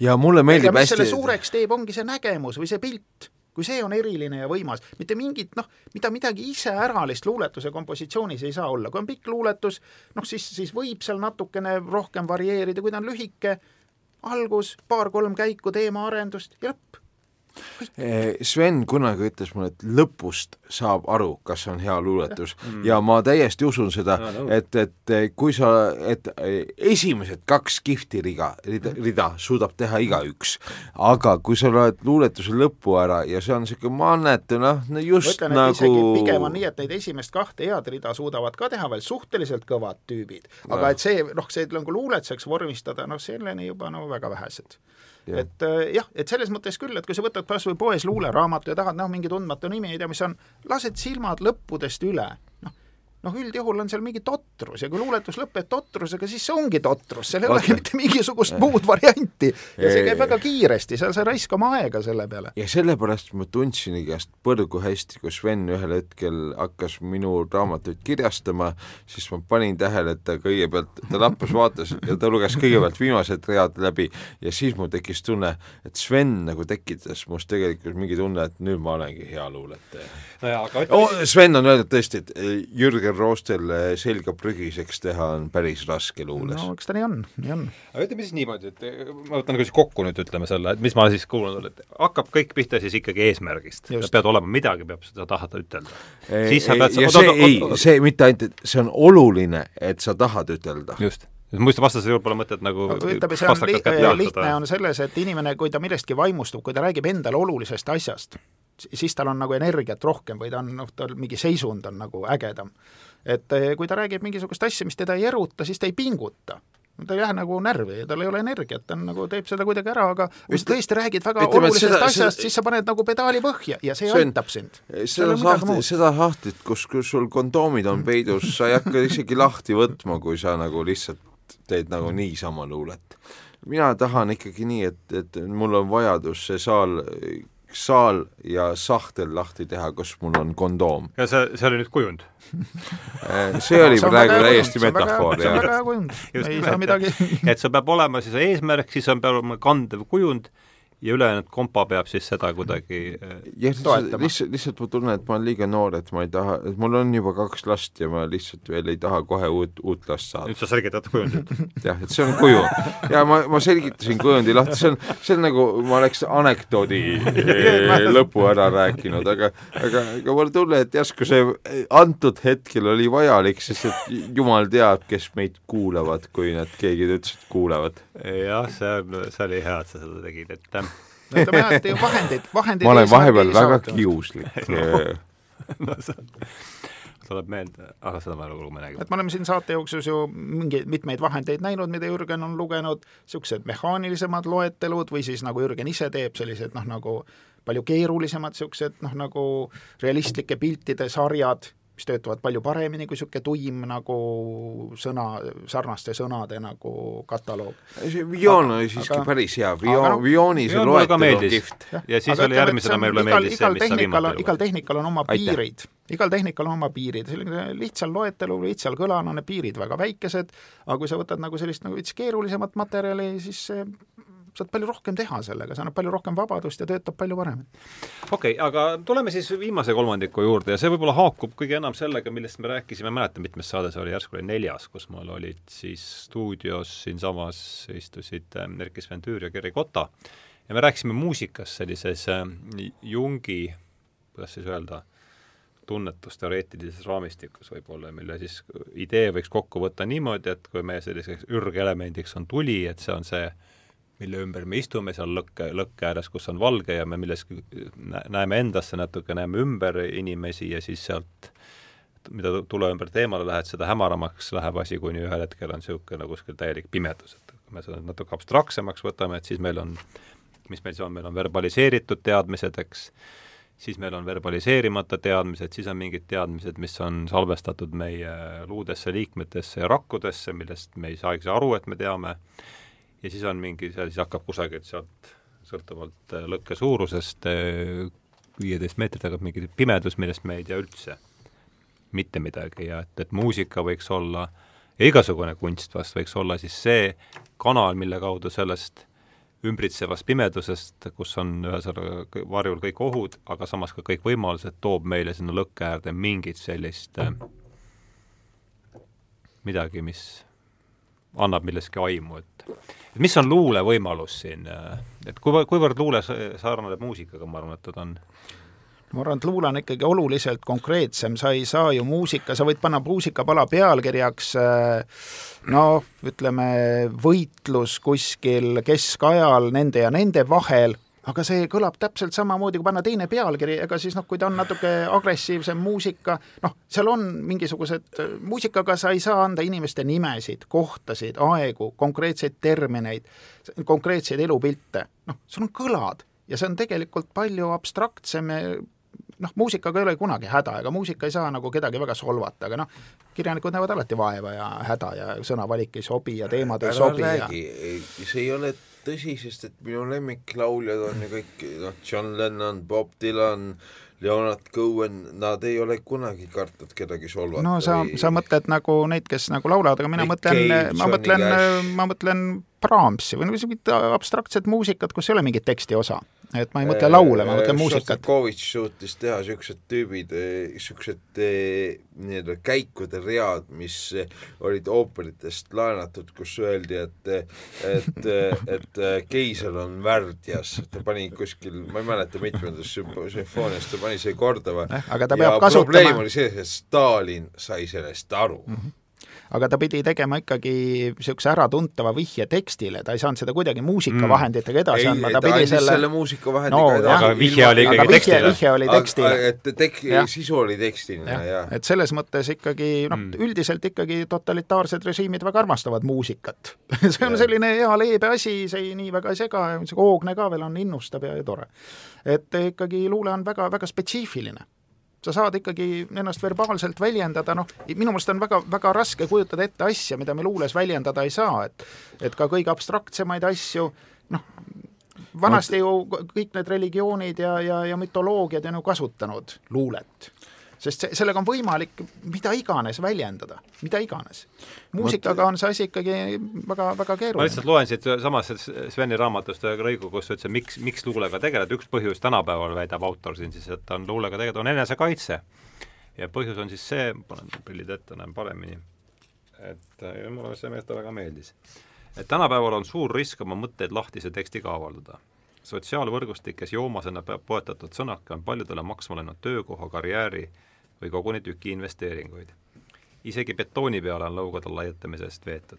poliitkorrektsus pole naljaasi. luulest aga ei saa keegi aru ja võid laamendada nagu tahad. isegi kui saaksid aru, luulet nad ei loe. enesekaitseks on emotsionaalsete pursete poeetiline krüpteerimine hädavajalik. see on siia tuleb, need arengud on vahepeal ikkagi, elu on edasi läinud ja ütleme nii, et ega tsensuurirobot ei loe midagi muud kui sõnu ja kui sõnul on ka väga krüptiline luuletus, aga seal on mõni keelatud sõna mm., siis sa saad ikkagi bänni. et nii palju tuleb arvestada, et jah, et sa saad ennast krüpteerida küll, aga sa ei tohi kasutada keelatud sõnu, sõnu. jah ja,, et sõnavalikus pead olema siiski ettevaatlik, nii palju on elu nüüd selginud vahepeal, mu, mu kõik põhimõte on õige. et ma võiksin ütelda, mul on mitu luuletust, mille, kui ma neid praegu välja ütleksin siia mikrofoni, sa peaksid panema väga palju piikse peale peale. ohoh, koguni? jah. mida siis sina sellist sa oled, et ma ei usu sind. seda tahad või? jah, lase tulla. meeter see ei ole armastuse vahemaa meetri jagu meie vahel viljasaket maad. sirutan ma välja oma meeter pika käe, vallandan su sisemusest vesimärjad väed. nõnda möödub pärastlõuna, möödub terve öö.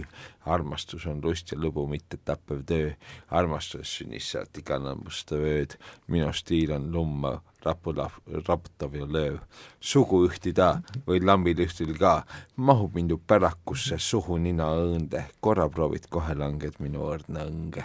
ma arvan, et see vastupidi toob terve hulga proua prouasi meie kuulajate hulka. et äh, siin pole piksutada midagi.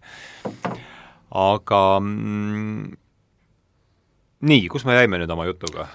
armastuse juurde, minu arust me viimati rääkisime mõtlema. Läksime tsensuuri juurest armastuse ja, ja juurde sujuvalt. minu arust ei ole keegi eriti, tähendab, mulle on öeldud Eestis, et ma ei saa mingeid asju teha, et kuskil noh, okei okay,, ma algklassidele, kui ma lähen, ma käin hästi palju kooli, ma armastan koolides esinemist ja kui ma olen eh, alg, noh, põhikoolis või algklassis esinenud, siis ma ei loe seda teksti.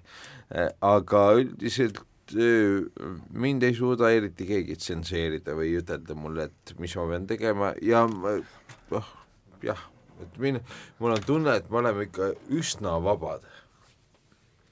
sinu kogemus on teistsugune? ma ütleks selle või? peale, et see armastuses must vöö on väga hea kujund, aga sellega, sellele võiks keskenduda võiks keskenduda sellele võiks keskenduda. mul on praegu tüdruk, kelle pärast mul on eh, isegi mõtet sellele keskenduda, sest et see tüdruk ta, tahab olla seal.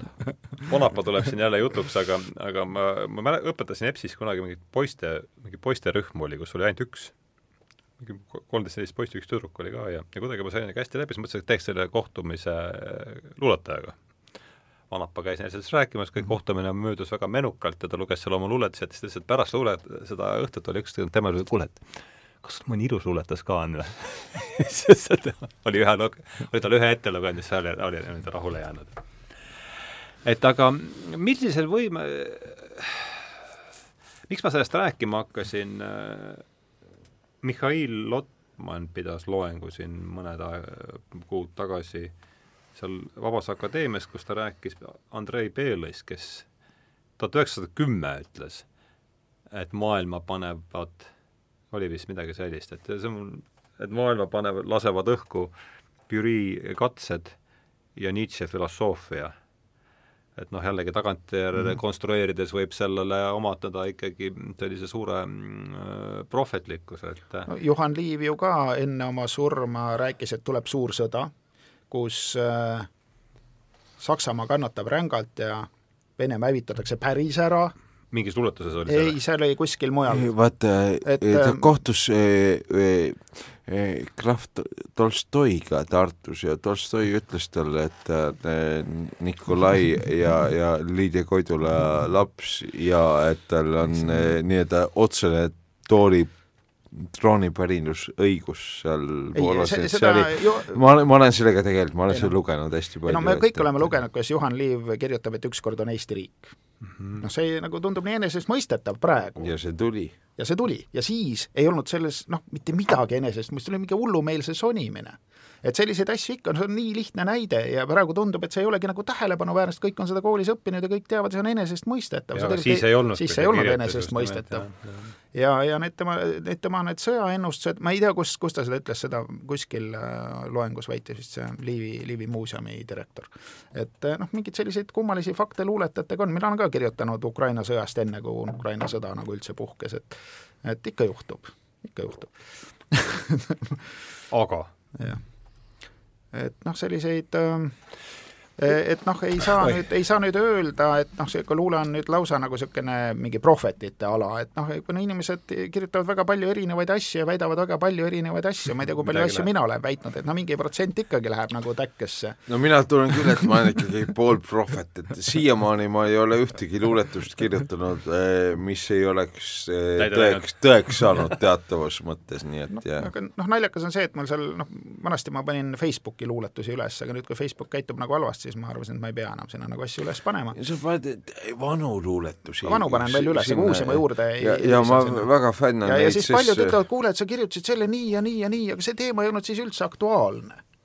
et noh, mingid, mingid niisugused noh, seda ikka juhtub ikka kirjutad mingist asjast, mis kellelgi ei ole, aga näiteks viie aasta pärast on aktuaalne, aga siis ega ta kahekümne aasta pärast võib-olla ei ole teema jälle aktuaalne, aga see, kuidas sa seda teemat oled nagu noh, nagu tehniliselt nagu teinud, see on tähtis mm.. et tegelikult jääb ikkagi tehnika ja siis, kui see asi on tehniliselt hästi tehtud ja kellelgi on mingi sama teema õhus või ta on selle peale mõelnud, siis see töötab veel paremini aga, aga teema iseendast, noh niikuinii, aga see Juhan Liivi ju keegi ei loe sellepärast, et ta Eesti riigist kirjutas. või et ta sõda ette nägi. jaa, et ta sõda ette nägi, loetakse ikka sellepärast, et ta kirjutas nii hästi. Lihtsalt on ju tehniliselt ikkagi väga hea luuletaja. oli hull no nii ja naa, kui ta päris hull oli, siis ta enam väga ei kirjutanud ka, et ta oli piisavalt hull, mõõdukalt hull, see on viljakas seis. hull huvitaval moel, ütleme, on neli-viis rida kirjutas ikka aeg-ajalt, nii et selles mõttes see oli täitsa okei okay eks ta vist üritaski neid lühikesi asju teha, et ja. aga pikemalt ei saanud. ta ütles eh, Juhan Luigale, et ta üle kolme minuti ei suuda töötada haikusid saab hästi teha, ega siis aga see Walt Whitmani, kuidas see Semper tõlge, ma oli huvi pärast küsin, et see tuli kõige alguses jutuks, et see, see on hea tõlge või? Suht hea tõlge ja ar-, arvestades see ilmus tuhat üheksasada kakskümmend, see Semperi tõlge üldse, et eesti keeles ilmub vaba värss, mis on seksuaalne ja kus on homoseksuaalsed vihjed sees, see oli tolle aja kohta ikka revolutsiooniline, ütlen, et eh, Semper küll, no mulle kommunistina ta ei meeldi, aga, aga kuram, see raamat on äge.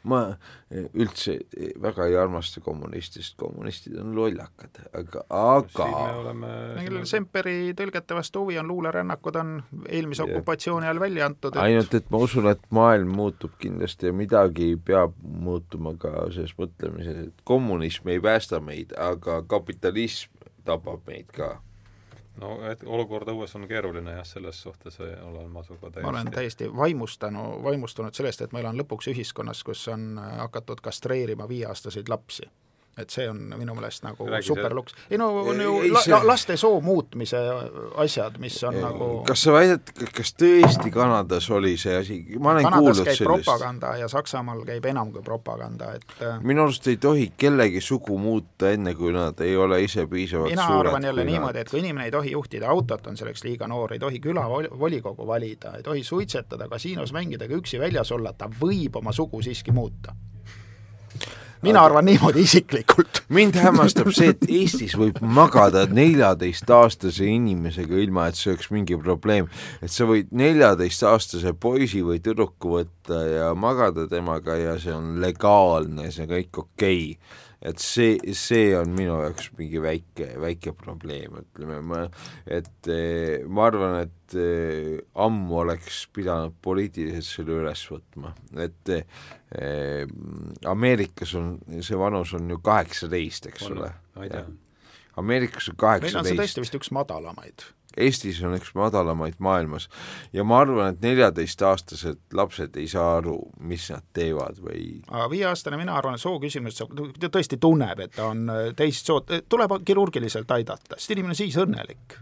Siis ta saab kohe nüüd ikkagi õnnelikuks. reaalne juhtum? jaa, need mõlemad on reaalsed juhtumid, Need viieaastaste soo vahetamised? jaa, see, see on mingi sitt, mis juhtus hiljaaegu. et see on mingi leg- legaalne sitt, mis tuli välja, et see on võimalik. Jesus. ma ei tea, kas seda on nagu ellu viidud, aga ma tean, et no need ühesõnaga seadused kõik ja val- valmistatakse nagu ikka ette, et- mitte ainult propaganda, et seadused on võimalikud, ainult et eh, seda vist ei ole ikkagi käitatud jama oli vist selles jah, et seal tuli mingi väike juriidiline jama, et vist taheti nagu nii teha, et ei, koju isegi ei pea teatama.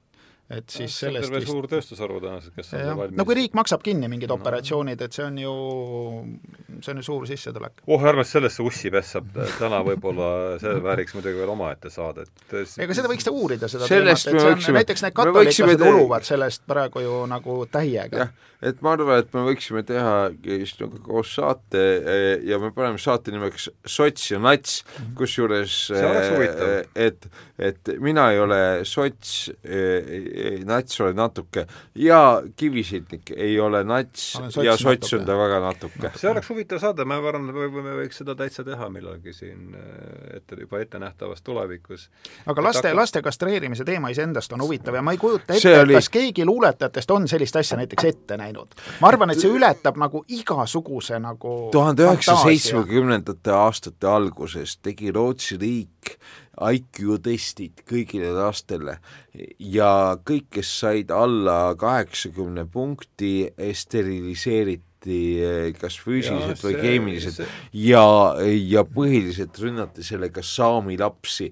nii et see ideaalne imeilus Rootsi ühiskond, see sotsialistlik pask eh,, vabandust väljenduse pärast eh,, nad steriliseerisid saami eh, teismelisi, sest et nad ei saanud eh.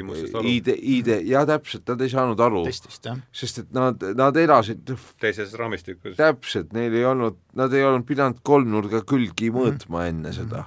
aga mm, ma ei tea, hakkame siis vaikselt kokku tõmbama, siin paar nime kirjutasin üles, siis Zbigniew Herberti ma olen temaga varem ka kokku Zbigniew Herbert on hullult äge. räägime temast ka veel natukene. ta on täiesti selline noh, antiromantiline luuletaja või noh, ta, tal ei ole midagi sellist, mis oleks nagu ühine selline algklassi arusaamisega luulest, ei teemad, ei vorm, selline vaba, vabavärsiline Lindepuu. Lindepuu, Hendrik jah, jah. Lindepuu on üks ja, Ja arvan, et see on üks- küsimus siis. et see on üks ilmselt suurepärasemaid luuleraamatuid, mida mina eesti keeles tean. mis see raamatu nimi on? Zbigniew Herbert eh, Luuletused vali, valitud või luuletused või sellist. ta on luuletused, jah. päris paks aga teine asi, mille, luuleraamat, ta üle mille vihi. Hendrik Lindepuu on tõlkinud, ta on tõlkinud eh, vabandust, Hendrik, see oli küll loll küsimus praegu see, selle jääb, see jääb eetrisse siis nii, räägi. okei no aga ta ainus tõlk ka päris ei ole, et Eh, sageli see kohe tuleb meelde. mingi teine luuletaja, keda ta tõlkinud. kas, kas aita mul nüüd ma vist tean küll, keda sa mõtled, aga mul on nimede peale väga halb mälu. Signiev, ei, ei, ei, ei, Herbert on meil juba läbi käinud, aga Signiev Kozaklovski, ei kurat, teeme nii, et ühesõnaga, ta on palju, palju, palju häid asju välja andnud. ta on palju häid, häid asju. aga just see, et ei noh, see on mingil, mingi väike, suhteliselt väike Poola rahvas, eks ole, on andnud nii palju selliseid erilisi ja häid luuletajaid ja siis leidub veel Eestis teine veel väiksem rahvas, mingisugune tüüp, kes suudab neid nagu täiesti adekvaatselt tõlkida, esiteks valida välja, no Poolast kindlasti leiaks ka väga halba luulet nagu tööstuslikus koguses, aga näed, üks tüüp on nagu välja valinud sellist puhast kulda, tõlgib seda, no nüüd ta teeb proosat ka, aga aga ta vanasti ju keskendus ainult luulele, ta andiski näidendeid ja luulet, see oli eriti radikaalne, see, see on täielik ime, sellist asja ei tohiks olemas olla. muide, teeb ja tema tõlgi ära., selle Kolakovski äh, Horror Metaphysics on selle raamatu nimi, Jah. nimi. see on nagu kaasaegse filosoofia parim kriitika. aga Horror Metaphysikust ei ole nüüd Hendrik tõlkinud? on, ei ole. see, kes ei ole, ei ole, see, me uurisime seda, ta on üks raamat, mida ei ole Hendrik tõlkinud eh, Kolakovskist. Usu mind, me Okei. okay. me pöördusime stuudiosse, et tõlke ennast üles annaks ja lõpuks et Hendrik on käinud siin äh, Hendrik on neid tõlkinud jaa, aga Aurora metafüüsikus ei ole tema aga-, ta on peaaegu kõik teised äh, tõlkinud. tema need filosoofilised probleemid ja kõik ja, Ja- religioonist ja Jeesuse lugu- see on tema jah. horror metafüüsikus ei ole tema ole,, ma ei teadnud seda anna andeks. mina noh, mis siin andeks anda. aga kui tulla selle luule nagu sellise erilisuse juurde tagasi, et noh, et see ei ole lihtsalt selline ütleme, prohvetlikkus, vaid ikkagi, ikkagi erilisus siiski tavapärasest erinev, tavamõtlemisest erinev, tavaolmest erinev, mis just see mõtlemise erinevus minu meelest ja väljenduse erinevus, et ta on hoopis midagi muud. hea luule on hoopis midagi muud kui mingi tavaline jorin, tavaline inimese mingisugune jõuramine et noh, ta on inimeseks olemise vorm, nagu Jürgen Just. mainis enne, et see ongi see, see on see, kuidas meie oleme. ja tegelikult inimene on oma olemuselt ikkagi midagi väga võimast, no vaata mingit Hackenschmidti või mid- mida tüüp võis endaga teha. tüüp oli kümme aastat absoluutne maailmameister maadluses, tõstmises ka mingi aja. ta võitis üle kolme tuhande matši järjest, ta mingisuguseid staare seljatas sekunditega oli selline tüüp, toortaimetoitlane, toorest oli filosoof ta kirjutas raamatuid, mõttelusarjas on tema vist Valitseda eluande vist eesti keeles ta oli ta oli selline tegelane, ta näeb välja oli... nagu koomiksi kangelane, nii graafiline, Palusalu on ka suhteliselt nõrk tüüp, nagu näeb tema kõrval välja. jah, filosoof ka veel, ta, kusjuures ta, tal on väga mõistlikud nagu seisukohad, ta raamatuid võib lugeda.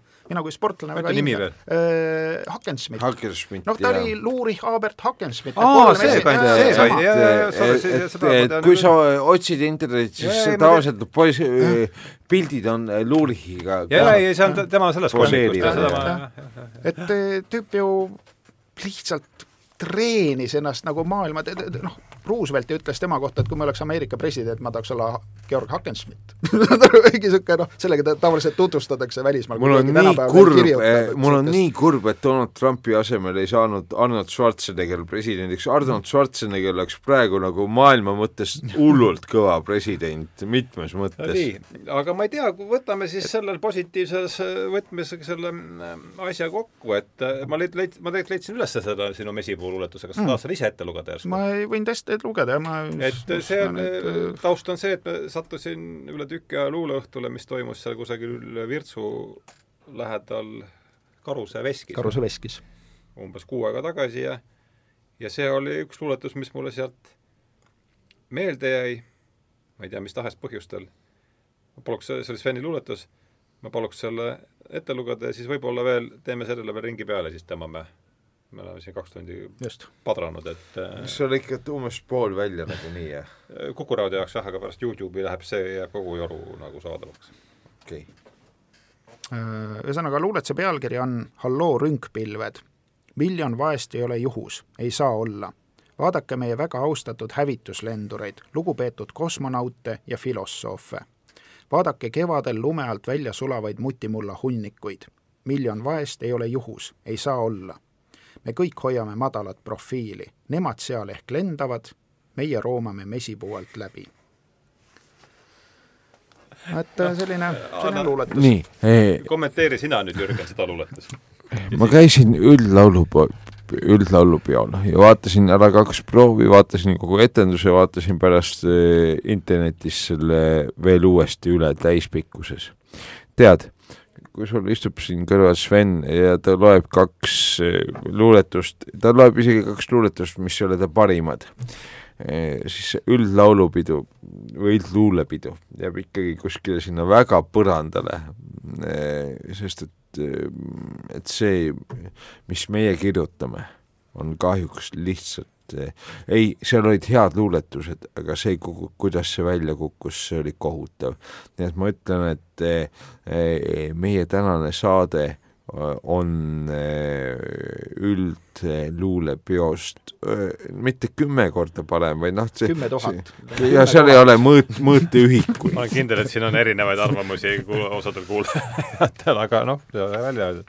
Sven, mida lõpetuseks? kokkuvõtteks öelda nagu seda, et äh, kõigile vaatamata igasugustele üldluulepidudele, igasugustele harrastajatele, kes saavad auhindu, keda tõstetakse esile ja keda müüakse, kes noh, väljendavad inimmõistusega, noh, sellist madallendu, just sellist noh, mesipuu alt läbi ronimist. et, et se-, sellest hoolimata mesipuu on asetatud põrandale ja me isegi ei ületa üle, üle hüpata, vaid me lähme sa nagu... seletad kujundajat, sellest ma sain jah, aga ma tahtsin öelda nagu seda, et, et näiteks Hakenspit on hea näide sellest, mida inimene saab teha oma kehaga, no läbi keha on nagu hea selle, et keha on näha. aga luule on see, mida inimesed võivad teha oma nagu mõistusega, et võib teha selliseid suurepäraseid asju, no nagu Herbert või, või, või Jürgen või midagi taolist. et see on, see on noh, see ise ongi juba müstika, seal ei ole mingeid müstilisi teemasid ega mingisuguseid etteennustusi vaja. vaata Hakensmiti või vaata Jürget, selliseid asju ei saa olemas olla. see on tegelikult võimatu. Ei tohi ja ei tohiks üldse olemas olla, aga näed, vahib siin. mismoodi aru ei saa? no rohkem ei ole midagi öelda aga selle positiivse, sellel positiivsel no-, noodil võtamegi selle tänase viibimise, koosviibimise kokku, mul oli rõõmus, väga suur rõõm teiega siin ja privileeg teiega siin äh, juttu puhuda poolmõistlikul teemal. Kus on nüüd see poolmõistlik välja võetud, mina mõtlesin, et me võtsime kogu Eesti mõistuse kui sellise kokku ja ja, ja peale selle ei jää palju järgi. jah, aga igatahes suur tänu teile tulemast, eetris oli siis selle hooaja kolmas tähenduse teejuhid ja ja me rääkisime luulest ja, ja mesipuudest ja ja Mustast vööst. ja loodetavasti lastakse meid eetrissegi. ja aitäh teile, mina siis eetris stuudios olid Jürgen Rooste, Sven Kivisildnik, mina olen saatejuht Ardo Päevala ja järgmise kordadeni. tänan kuulamast!